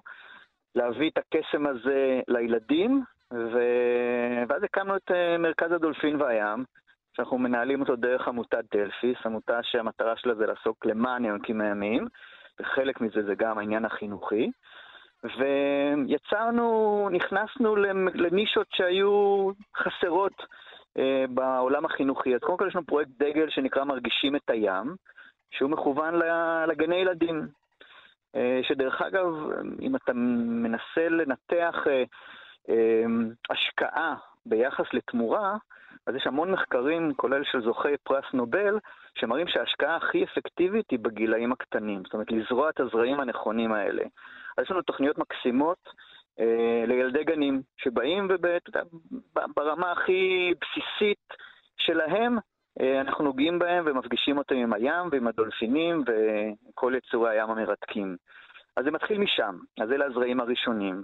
ואז אנחנו פוגשים אותם שוב בכיתה ב', שיש להם סיור במסגרת העיר, אז הם עוברים דרכנו, ושוב פוגשים את הבעלי חיים שהם שכנים שלהם בים מעבר, מעבר לרצועת החוף היפה. ואז פוגשים אותם כשהם מגיעים לכיתות ה' ולשלב שהם מגיעים למועצות ירוקות, והם קצת מתחילים להבין מה זה שמירת טבע ומה זה אומר השמירה הימית, אנחנו פוגשים אותם שוב שם, ובעבודות חקר בתיכון. זה מין איזה מהלך ספירלי כזה, שאנחנו ממש נוגעים בילדים מגן ילדים, ואז כל פעם נוגעים בהם בעוד נקודה ומוסיפים עוד חדוות יצירה. ולפרויקט כזה משהו. אתה רוצה להגיד לי שאין מימון? פרויקט כל כך יפה? אז הוא מקבל מימון מועט, זה לא מספיק די uh, באמת להחזיק אותנו מעל המים. ובסוף שמירת טבע זה מהלך מאוד מאוד סזיפי, צריך להשקיע בו המון אנרגיות. זה... ו... וזה דורש משאבים, אין מה לעשות. זאת אומרת, שמירת טבע זה לא דבר שהוא קורה מעצמו. ו- ואנחנו הבנו שמצד אחד לייצר מרכז חינוכי כזה, שפוגש באמת את הילדים האלה ומביא להם את הפליאה הזאת של הים, שאנחנו כל כך אוהבים לפגוש אותו בים עצמו, אה, לפגוש אותם מצד אחד. מצד שני, לייצר תשתית ארגונית ששמה למטרה להגן על היונקים הימיים, דרכם לשמור על הים, כמה שנקרא מין דגל לשברה הימית. כולם אוהבים את היונקים הימיים, את הדולפינים, ודרכם אפשר להגיע לציבור רחב ולשמור על הים שהוא משאב לאומי. זאת אומרת, היום הוא כבר לא איזה חדווה של כמה אה, מחבקי עצים, מה שנקרא לזה, אלא היום באמת זה הקיום שלנו. זאת אומרת, הים התיכון הוא המים שאנחנו שותים, זה האנרגיה שאנחנו מקבלים, זה...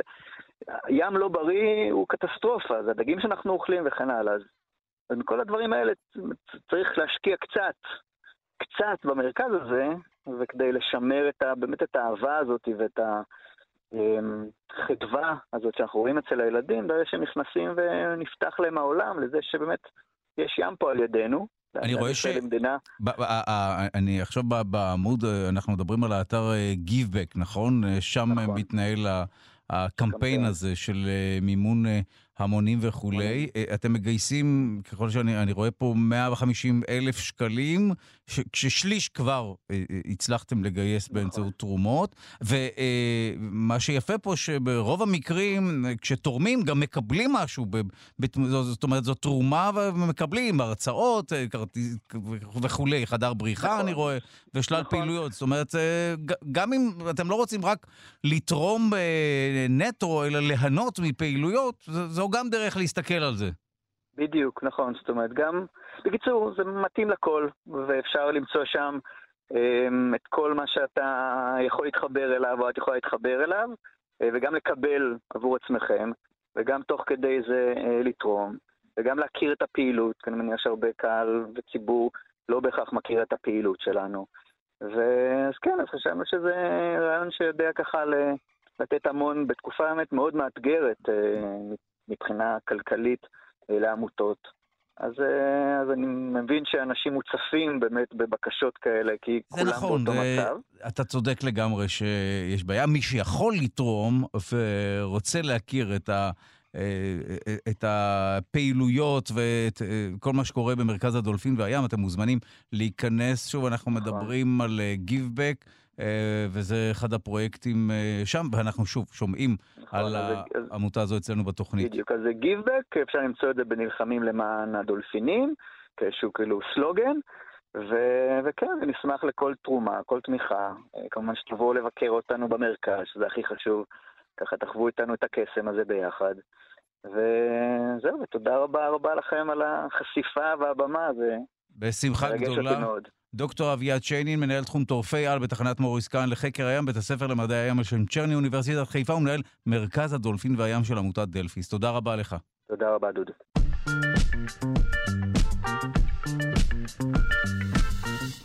ובמסגרת פינת התרבות, יום הולדת 81 ליוסי שריד, שהלך לעולמו לפני כשש שנים. אנחנו שמחים לומר שלום ליונתן גת, לשעבר ג'ת, מרצה לתרבות ומבקר תרבות. שלום. שלום דודו, היי. שמע, פינת התרבות, יוסי שריד, פוליטיקאי, לא?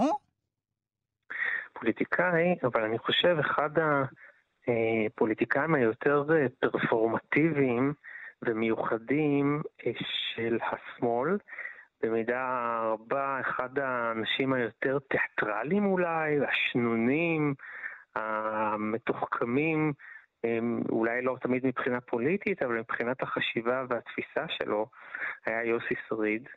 אה, אתה יודע ש... שהוא עמד בראש מרץ, בתקופה שהוא עמד בראש מרץ, אה, החרדים ראו בו אה, אויב לפעמים גדול יותר מאשר אויבים אחרים שהיו לו, למשל טומי לפיד. טומי לפיד עם המפלגה שלו שאמרה רק לא חרדים בממשלה. למה? בגלל היכולת הוורבלית שלו? בגלל התיאטרליות? לא, לא. אלא? לא, כי גם לטומי לפיד זה היה מאוד נכון, אתה צודק. וגם ורבלי וגם אה, תיאטרלי. אבל ליוסי שריד היה ידע אמיתי בתנ"ך. Mm. היה לו ידע אה, עצום אה, אה, במקורות. הוא היה מקפיד לצטט מהמקורות. כל הזמן, בכל ראיון שלו, אם עוקבים, רואים שבכל ראיון הוא הקפיד לצטט מהמקורות, וברמה מעמיקה, כלומר לא דברים שאנחנו מכירים אותם מה... ברגיל.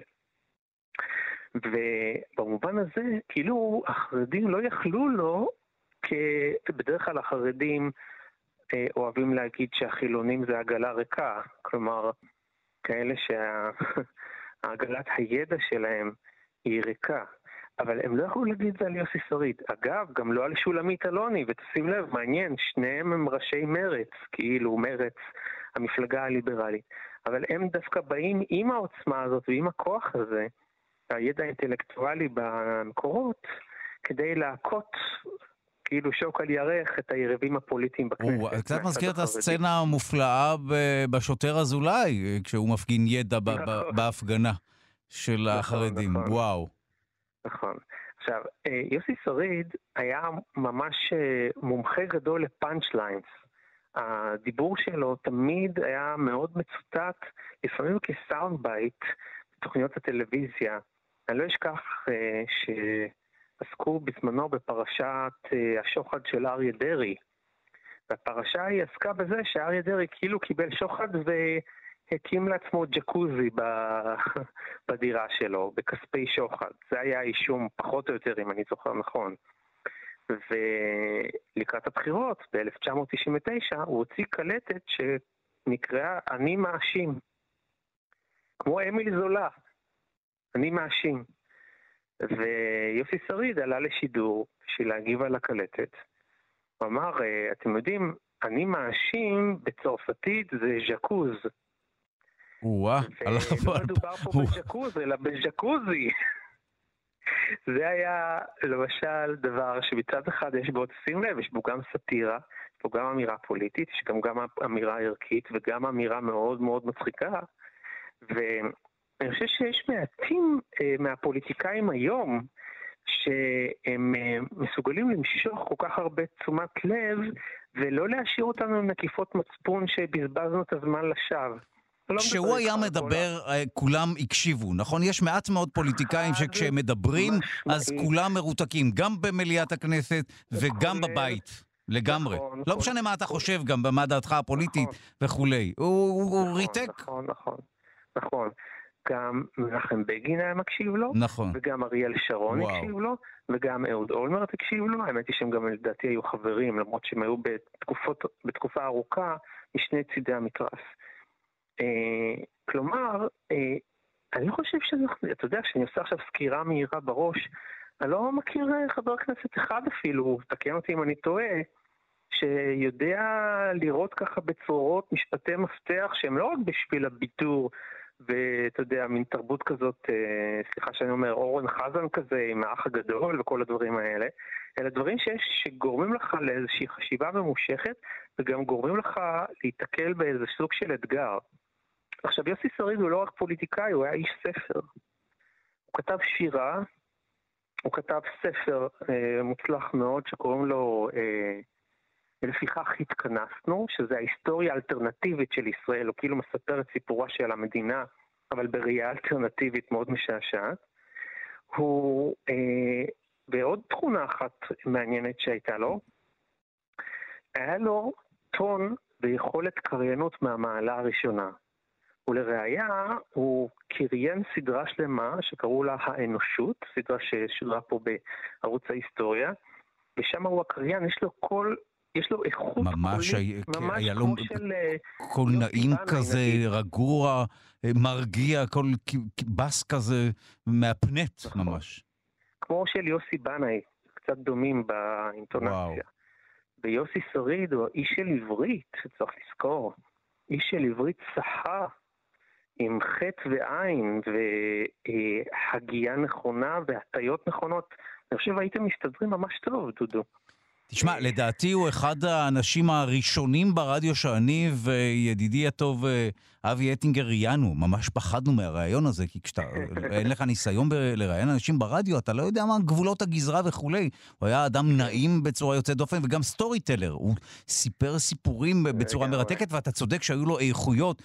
שוב, יש פוליטיקאים כאלה וכאלה, מימין ומשמאל וכולי, אבל אי אפשר להתווכח עם, ה, עם, עם, עם המשקל הכובד הזה, עם, ה, עם הידע והנועם וה, וה, וצורת נכון. הדיבור הזו, וואו, באמת... אה, גם אם לא, גם אם לא הסכמנו איתו, גם אם אנשים לא הסכימו איתו, היה מאוד קשה שלא לקחת את הדברים שלו בחשבון.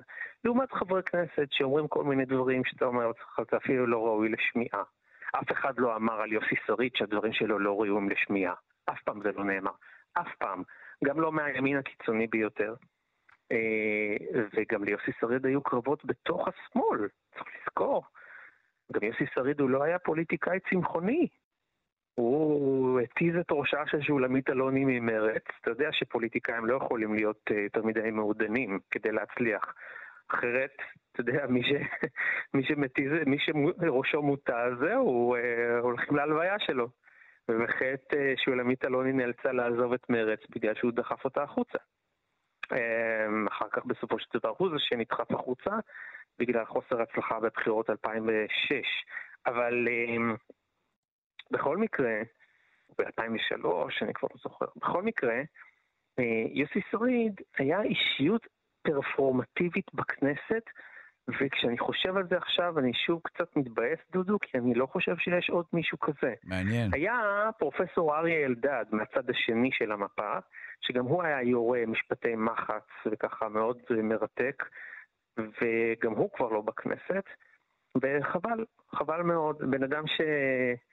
אמ, אפשר לזכור אותו לטוב ולרע, אבל אי אפשר אה, להתכחש לעובדה שהאיש השאיר אחריו הרבה.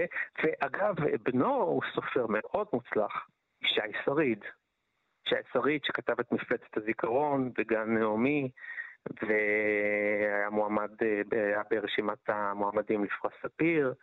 אה, סופר מאוד מאוד מוצלח, והוא לא עוסק בכתיבה למחייתו, הוא עורך דין, אבל אה, עדיין לוקח משהו מהקונטקסט אה, התרבותי של אבא שלו לתוך העולם הזה של היצירה גם כן בכתיבה ובספרות. טוב, אנחנו נסתפק אה... בדברים האלה. הזכרת לנו באמת את אישיותו ה... אה, באמת אה, מיוחדת ומהפנטת של יוסי שריד, שהלך לעולמו לפני כשש שנים. תודה לך, יונתן גת, לשעבר ג'ת, מרצה לתרבות ומבקר תרבות. תודה. תודה, דודו.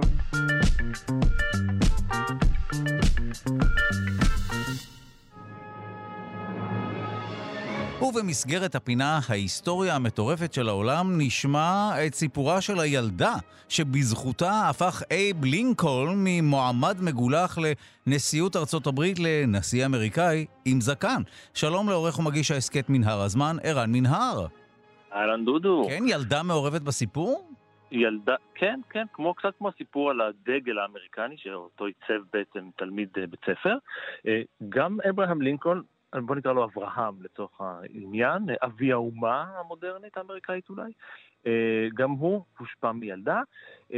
קצת לפני כמו, קצת לפני כמו כמה שנים, ארה"ב של אמצע המאה ה-19 חוותה גל טרנדי כזה של גידול זקנים. אה, כי שני שלישים מהגברים התהדרו בזקן או בפאות לחיים משמעותיות, מה שנקרא sideburns, אה, אבל אה, אברהם לינקולן לא נסחף בזרם, הוא היה ונותר מגולח לחלוטין. בואו נדבר קצת על, על לינקולן עצמו, הוא נולד בקנטקי בפברואר 1809, הוא היה הבן הראשון של תומאס וננסי אחרי בת בכורה. אחיו הקטן ממנו לא שרד, הרבה, הרבה לא שרדו בימים ההם, אה, וכשהוא היה בן שבע המשפחה עברה לאינדיאנה, זאת אומרת הם מהגרים מערבה קצת, אינדיאנה הייתה אז טריטוריה חופשית, ללא עבדים, ולינקולן הצעיר לא ממש נהנה, הוא לא אהב את העבודה הפיזית, העומס אה, שבחיים בחווה, אה, ובני המשפחה כינו אותו גם עצלן, אבל הוא בעצם העדיף להתרכז בקריאה, בכתיבה. הוא היה אוטודידקט והוא לימד את עצמו רוב הזמן.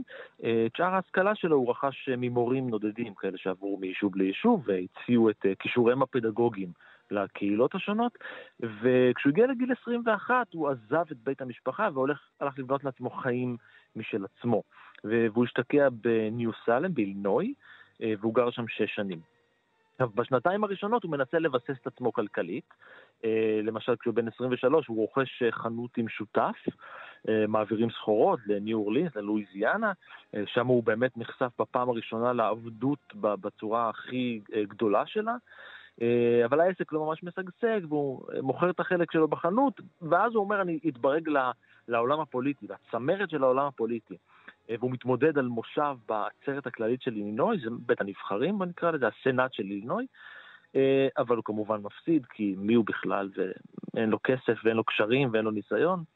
אה, אז כדי להתפרנס, כדי שיהיה לו כסף, הוא עובד בכל מיני עבודות מזדמנות, הוא היה עבד בדואר, והוא היה סוקר של מחוזות, אה, אבל הוא רצה לעשות משהו אחר והוא הלך להיות עורך דין.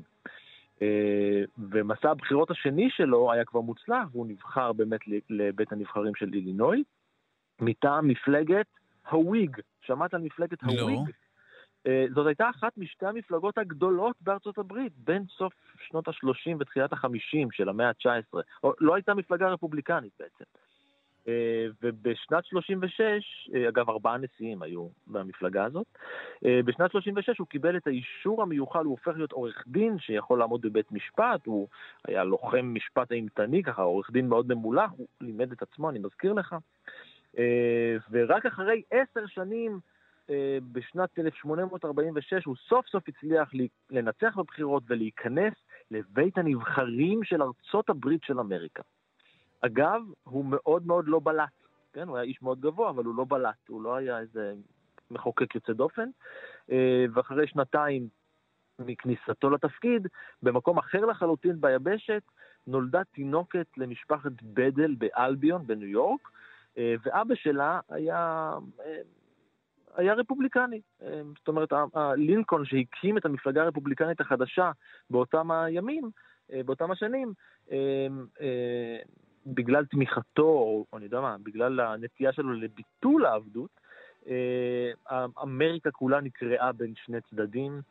של בעד ונגד עבדות, או בואו נקרא, נקרא לזה בעד העמקת והרחבת העבדות, או ביטולה לחלוטין, אלה שתי העמדות הקיצוניות.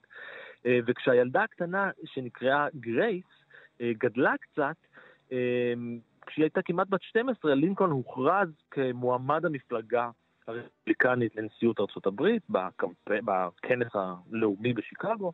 הקמפיין שלו יצא לדרך, וחודש לפני הבחירות, אבא של גרייס השתתף באחת מההצהרות האלה של הקמפיינים של בחירות. הוא הביא הביתה לגרייס הקטנה כרזת תעמולה, אתה יודע, פוסטר של בחירות. אה, והיה שם תמונה של לינקולן ושל הסגן שלו המיועד, וזאת הייתה פעם ראשונה שגרייס רואה את הפנים שלו. אה, היא כבר יודעת, היא כבר ילדה יחסית גדולה, אז היא מבינה את העמדות הפוליטיות. רגע, בשלב הזה הוא היה בלי הזקן המפורסם שלו? הוא לא היה עם זקן אף פעם. די.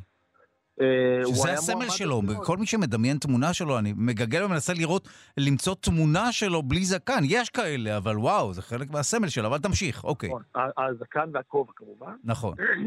וגרייס מסתכלת על התמונה, והיא אומרת, אה, היא תיארה את זה, היא אמרה, יש לו פנים מאוד לא יפות. היא אמרה, היא חשבה לעצמה, איך מישהו עם מצח גבוה, עיניים די עצובות ומעוררות רחמים, נכון. אה, סנטר זוויתי, קמטים מאוד עמוקים באזור הפה, איך מישהו כזה יכול בכלל לזכות בקולות הבוחרים? עכשיו, זו מחשבה, מחשבה מאוד מתקדמת אה, בתקופה ההיא, ועוד לילדה, אה, גם אפילו מחשבה תמימה. אז היא עשתה מעשה. אה, אתה רוצה שנדבר על המעשה, או שאני אשאיר אותך ואת המאזינים במתח? לא, לא, אתה לא, לא יכול לעשות לנו את זה, אתה כן, קצת, תמשיך קצת. אני אמשיך קצת. היא כתבה לו מכתב, והיא אמרה לו, תקשיב, אני ילדה קטנה, קודם כל אני רוצה לדעת אם יש לך ילדות גם קטנות, אולי הן בגיל שלי.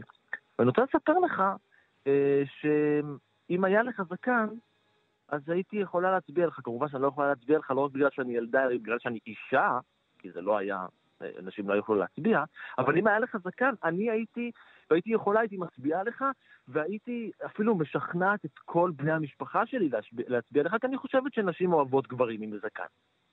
מין מכתב מאוד תמים כזה של ילדה בת 11-12. ארבעה ימים אחר כך לינקולן ענה לה, בכתב. במהלך הקמפיין. הוא אמר לה, אה, אה, חוץ, מזה, חוץ מזה שהוא אמר שהתגובה של המכתב שלה מאוד כן ומאוד אה, ישיר ונעים, הוא שאל אותה, את לא חושבת שזה יהיה קצת... הסתכלו על זה כאילו, יחשבו שזה קצת מטופש, כאילו ההובי החדש הזה של לגדל זקן. מפה לשם, בהשבעה שלו כנשיא, הוא כבר היה עם זקן. וזהו, וכך הוא אה, נחרט. הוא כך הוא נחרט, כן, הוא גם פגש אותה אחר כך, אחרי שהוא זכה בבחירות, והוא פגש אותה עוד פעם, היא כתבה לו עוד מכתב יותר. וואו, יועצת פוליטית אה, שנותנת טיפים בנושא ויזואליה ממש. וצודקת כנראה. תקשיב, עד כדי כך שלמעט נשיא אחד, ויליאם מקינלי, מאז לינקולן ועד 1913, כל נשיאי ארצות הברית היו. מסוכנים. פש, מעניין מאוד, תודה רבה לך, ערן מנהר, עורך ומגיש ההסכת מנהר הזמן. תודה. ביי ביי.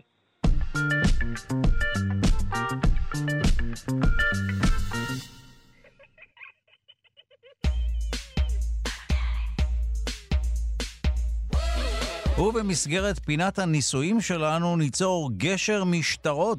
שלום לביוטכנולוגית ממכון דוידסון לחינוך מדעי, ענבל שמחה בוקר, שלום. שלום, בוקר טוב, דודו. אה, אני מקווה שהכנת שטר כסף. אם כן, ברגע שאין ריבית על כסף מזומן בבנקים, לא נותר אלא להפוך את השטרות לגשרים כמובן. לגמרי. אז uh, אנחנו נתחיל עם, uh, עם, כמובן עם הניסוי, אבל לפני הניסוי האמיתי שלנו, אני רוצה ככה כמה ניסויים שאפשר לעשות אותם אפילו במחשבה. Uh, אם יש לך איזשהו דף שעליו אתה כותב את ההערות, דף A4 כזה, רגיל של מדפסת, אז uh, בוא תדמיין שאפילו אם יש לך, אז אתה יכול לעשות את זה uh, תוך כדי שאני מדברת. אם אנחנו לוקחים דף כזה, דף A4, ומחזיקים אותו ביד אחת בשתי אצבעות, ברוחב הדף, באמצע, פעם אחת כשהוא מאוזן, כמו צמיחה, נחזיק אותו בצורה אה, מאוזנת לרצפה. אוקיי, במקביל אוקיי. לרצפה, ונחז... ואיפה נשים את האצבעות? את האצבעות אנחנו נשים בדיוק ברוחב, באמצע, ביד אחת נחזיק בשתי אצבעות, בדיוק במרכז הדף. אה, אה, שתי האצבעות במרכז בצד. הדף, אוקיי. כן, כן. מה יקרה לדף טוב, לדעתך? הוא כנראה לא ישמור על שיווי משקל ואיכשהו ייפול. נכון, הוא יעשה מין צורת קשת כזאת כלפי הרצפה. אה, כלומר, אפילו המשקל העצמי שלו מצליח לכופף אותו. בפעם השנייה אנחנו נחזיק את הדף בדיוק באותו מקום, ככה בקצה, ב- ב- בשתי אצבעות ב- ברוחב של הדף, אבל נעמיד אותו במאונח לרצפה, כמו גדר, אוקיי? הוא מה? עכשיו לדעתך הוא- יקרה? הוא- הוא ייפול? ב- איך אפשר להעמיד אותו? לא, פשוט נחזיק אותו, נחזיק אותו באוויר, אה, שהוא אה, אוקיי. ב- במקום במאוזן, במאונח. אם נחזיק אותו, הוא לא ייפול. אם לא ממש נכון. נחזיק אותו, הוא... לא, אבל עדיין אנחנו מחזיקים אותו בדיוק באותה נקודה. הבנתי, בנקודה, אוקיי. אוקיי, בצורה הזאת הדף ישמור על ה... אה, הוא, הוא ימשיך לעמוד, הוא לא Mm. יתכופף, אוקיי? אז אנחנו רואים שלנייר יש שתי צורות. כשהוא מאוזן, הוא מתכופף, המשקל שלו מושך אותו כלפי מטה, וכשאנחנו מחזיקים אותו במאונח לרצפה, באותו, באותה נקודה בצד, אז הוא מצליח להחזיק את עצמו כמו גדר. אה, זאת אומרת שיש לו יותר כוח התנגדות לכיפוף שהוא מוצב במאונח לרצפה. עוד דוגמה מחשבתית, שני ילדים עומדים, אחד עומד דום והשני נוח. עכשיו, אם אנחנו דוחפים קלות את שני הילדים, מי לדעתך יהיה יותר יציב? זה שעומד נוח. נכון? זה כן, שעומד עם כי הוא רגליים רחב. יותר, נכון. כמו נכון, עמידת מוצא בג'ודו קצת. נכון. איזה צורה הוא יוצר עם הרגליים? הנה, כמו וי כזו, או צורה נכון, פתוחה של כמו רגליים, וי, כמו כן. משולש. נכון. אז הבסיס משולש? רחב, נכון, את צודקת. נכון, יש לו בסיס יותר רחב, צורה של משולש, ומשולש זו צורה שמעניקה יציבות. בואו נזכור את שני הדברים, את שני הניסויים המחשבתיים האלה שעשינו, ועכשיו לניסוי עצמו. אז בניסוי אנחנו ניקח שטר כסף. אני לקחתי שטר של 100, אבל זה ממש לא שטר חשוב. של 100 גם. הנה רגע, אוקיי, יש לי שטר. כן. יש לך. ושלוש כוסות. אה, עדיף כוסות מזכוכית אה, של שתייה קלה. כוסות. כאלה קטנות של שתייה קלה. כן. אפשר גם חד פעמי של קפה. אה, אנחנו נשים את שטר הכסף כמו גשר בין שתי הכוסות, ונניח עליו כוס שלישית. מה לדעתך יקרה? הכל יקרוס וכל נכון. ה- הכל ייפול וייהרס. נכון, הגשר שעשינו יקרוס. כן, אין תמיכה, אין כלום. נכון? עכשיו, יש לך איזשהו רעיון, בלי תמיכה, בלי כלום, איך נגרום לנייר להחזיק את הכוס? החלפת השטר בבטון? פחות. אז לא, אוקיי. יש רעיון הרבה הרבה יותר פשוט. אנחנו פשוט נתחיל לקפל את הנייר כמו אקורדיון, אתה מוזמן לעשות את זה יחד איתי. רגע, זו הסיבה שגם פעם היו בונים גגות מאסבסט, כמובן, בהתעלם, נכון, בהתעלמות נכון. מהמסוכנות של החומר, אבל ככה היו בונים גגות, כי זה היה יותר נכון, חזק, נכון, כן? נכון, הגלים האלה נתנו המון המון כוח לעירייה. כן, יש גם פח גלי, ואנחנו עוד נדבר גם על קרטון. אבל בינתיים... אה, גם בקרטון יש גלים, נכון, את צודקת. נכון, שם בין לבין. לכן יש שם גלים. או אחרי הרבה מעברי דירות, סוף סוף אני מגלה איך הארגזים האלה מחזיקים אה, את המסה הזו. וואו, אוקיי, נכון. סקרנת מאוד. אז רגע, אז מקפלים, יוצרים גלים כאלה, או נכון, עושים מין מניפה? נכון, כמו אקורדיון, כן, או כמו מניפה. וואו, ואז זה יחזיק את הכוס. ואז זה יחזיק את הכוס אפילו עם מים. אפילו אם תמלא מים בכוס, זה יחזיק אותה. אפילו עם ברזל, עם מתכת. נכון, אנחנו יכולים למלא בכוס גם אה, מטבעות כדי שהיא לא תעשה לנו בלגן. די, אבל האמת שמדהים. איך זה משנה תכונות. איך זה מוסיף כוח לשטר, הקיפול הזה? אז זהו, אז איך זה יכול להיות? הרי זה בדיוק אותו חומר. איך הנייר הפך פתאום לחזק? אז בניסוי הזה אנחנו רואים בדיוק את התופעה הזאת, ששינוי בצורה משפיע בצורה דרמטית על החוזק. בצורה אחת הוא מתכופף בקלות, ובצורה האחרת הוא עמיד. אז בואו ניכנס קצת לקטע המדעי פה. כשאנחנו מקפלים את הנייר בצורה של האלכסונים, אנחנו מכניסים לצורה השטוחה הרבה אזורים שהם מאונחים לקרקע, שזה ראינו כבר עם הדף בניסוי הראשון, שזה הכיוון הקשיח של הנייר. וככה אנחנו מגדילים את עמידותו. אנחנו בעצם יוצרים גם את צורת המשולש, שראינו שהיא מאוד מאוד יציבה, ועכשיו המשקל של הכוס מתחלק על מספר דפנות אנכיות, וכל קיר מחזיק רק חלק ממשקל הכוס. אז גם אנחנו יוצרים את הצורה של המשולש שראינו שהיא מאוד יציבה, וגם אנחנו בעצם נותנים הרבה מאוד תמיכות אנכיות, שראינו שזה הכיוון שהנייר הרבה הרבה יותר חזק בו. גם כשאנחנו מקפלים, אז אנחנו בעצם מסדרים את הסיבים בכיוון מסוים, כי הנייר mm. הוא עשוי מסיבים, סיבים של תאית. וואו. אז אפילו נגיד שערה, אם אתה מושך שערה היא מיד תתלש, נכון? אבל אם יש הרבה מאוד שערות שהן כולם באותו כיוון, זה נותן להם המון המון חוזק, אוקיי? אז כשאנחנו מסדרים את הנייר עם הסיבים כולם באותו כיוון, זה גם נותן הרבה יותר חוזק. עכשיו נגיע לקרטון. הקרטון, בדיוק, קודם כל זה פטנט שהומצא באנגליה לפני בערך 150 הנה שנה. הנה רק אה, אילוסטרציה של קרטון, בבקשה. יש לי פה במקרה. כן. Mm-hmm. אז הקרטון, לא רק שיש לנו בפנים את הצורה של המשולשים, אז גם מעל ומתחת יש עוד שתי שכבות נכון. של נייר. אז השילוב הזה של גם משולשים ועוד שתי שכבות, בכלל נותן לנו המון המון המון כוח. האמת שזה די מדהים. אני מוכרח לומר שראיתי קרטון לא מעט בחיי, אבל mm-hmm. לא חשבתי על זה שיש סיבה לכך שהוא בנוי כך או עשוי כך. נכון. וואו. אז כן, אז אה, למדנו היום על הכוח שיש לגלים לתת למבנים, וגם השכבות עצמם. הרבה פעמים, אם תסתכל אפילו על, על עץ שמשמש לבנייה, נגיד בארון, אתה תראה שיש כמה וכמה שכבות.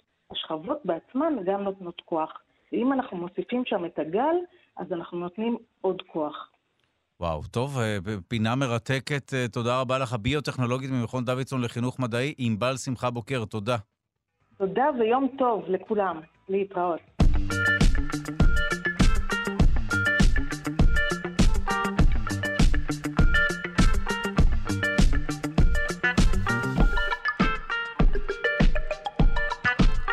אנחנו סיימנו את התוכנית להיום, נספר לכם מי עמל על המשדר. העורך שלנו הוא רז חסון, המפיקה היא אלכסנדרה לויגר. לביצוע הטכני די.ג'י אלון מקלר, תודה רבה ליגאל שפירא שמלווה אותנו. אתם ואתן מוזמנים ומוזמנות להצטרף לקהילה הרשמית של שלושה שיודעים בפייסבוק. כאן שלושה שיודעים. נזכיר שאפשר להאזין לשלושה שיודעים גם כהסכת בכל זמן ובכל מקום באמצעות היישומון של כאן, גם באמצעות ספוטיפיי, אפל וגוגל. שיהיה לכם יום נעים ושקט, שמרו על עצמכם, הקפידו על עטיית מסכה, גשו להתחסן. מחר, תוכנית חדשה להתראות.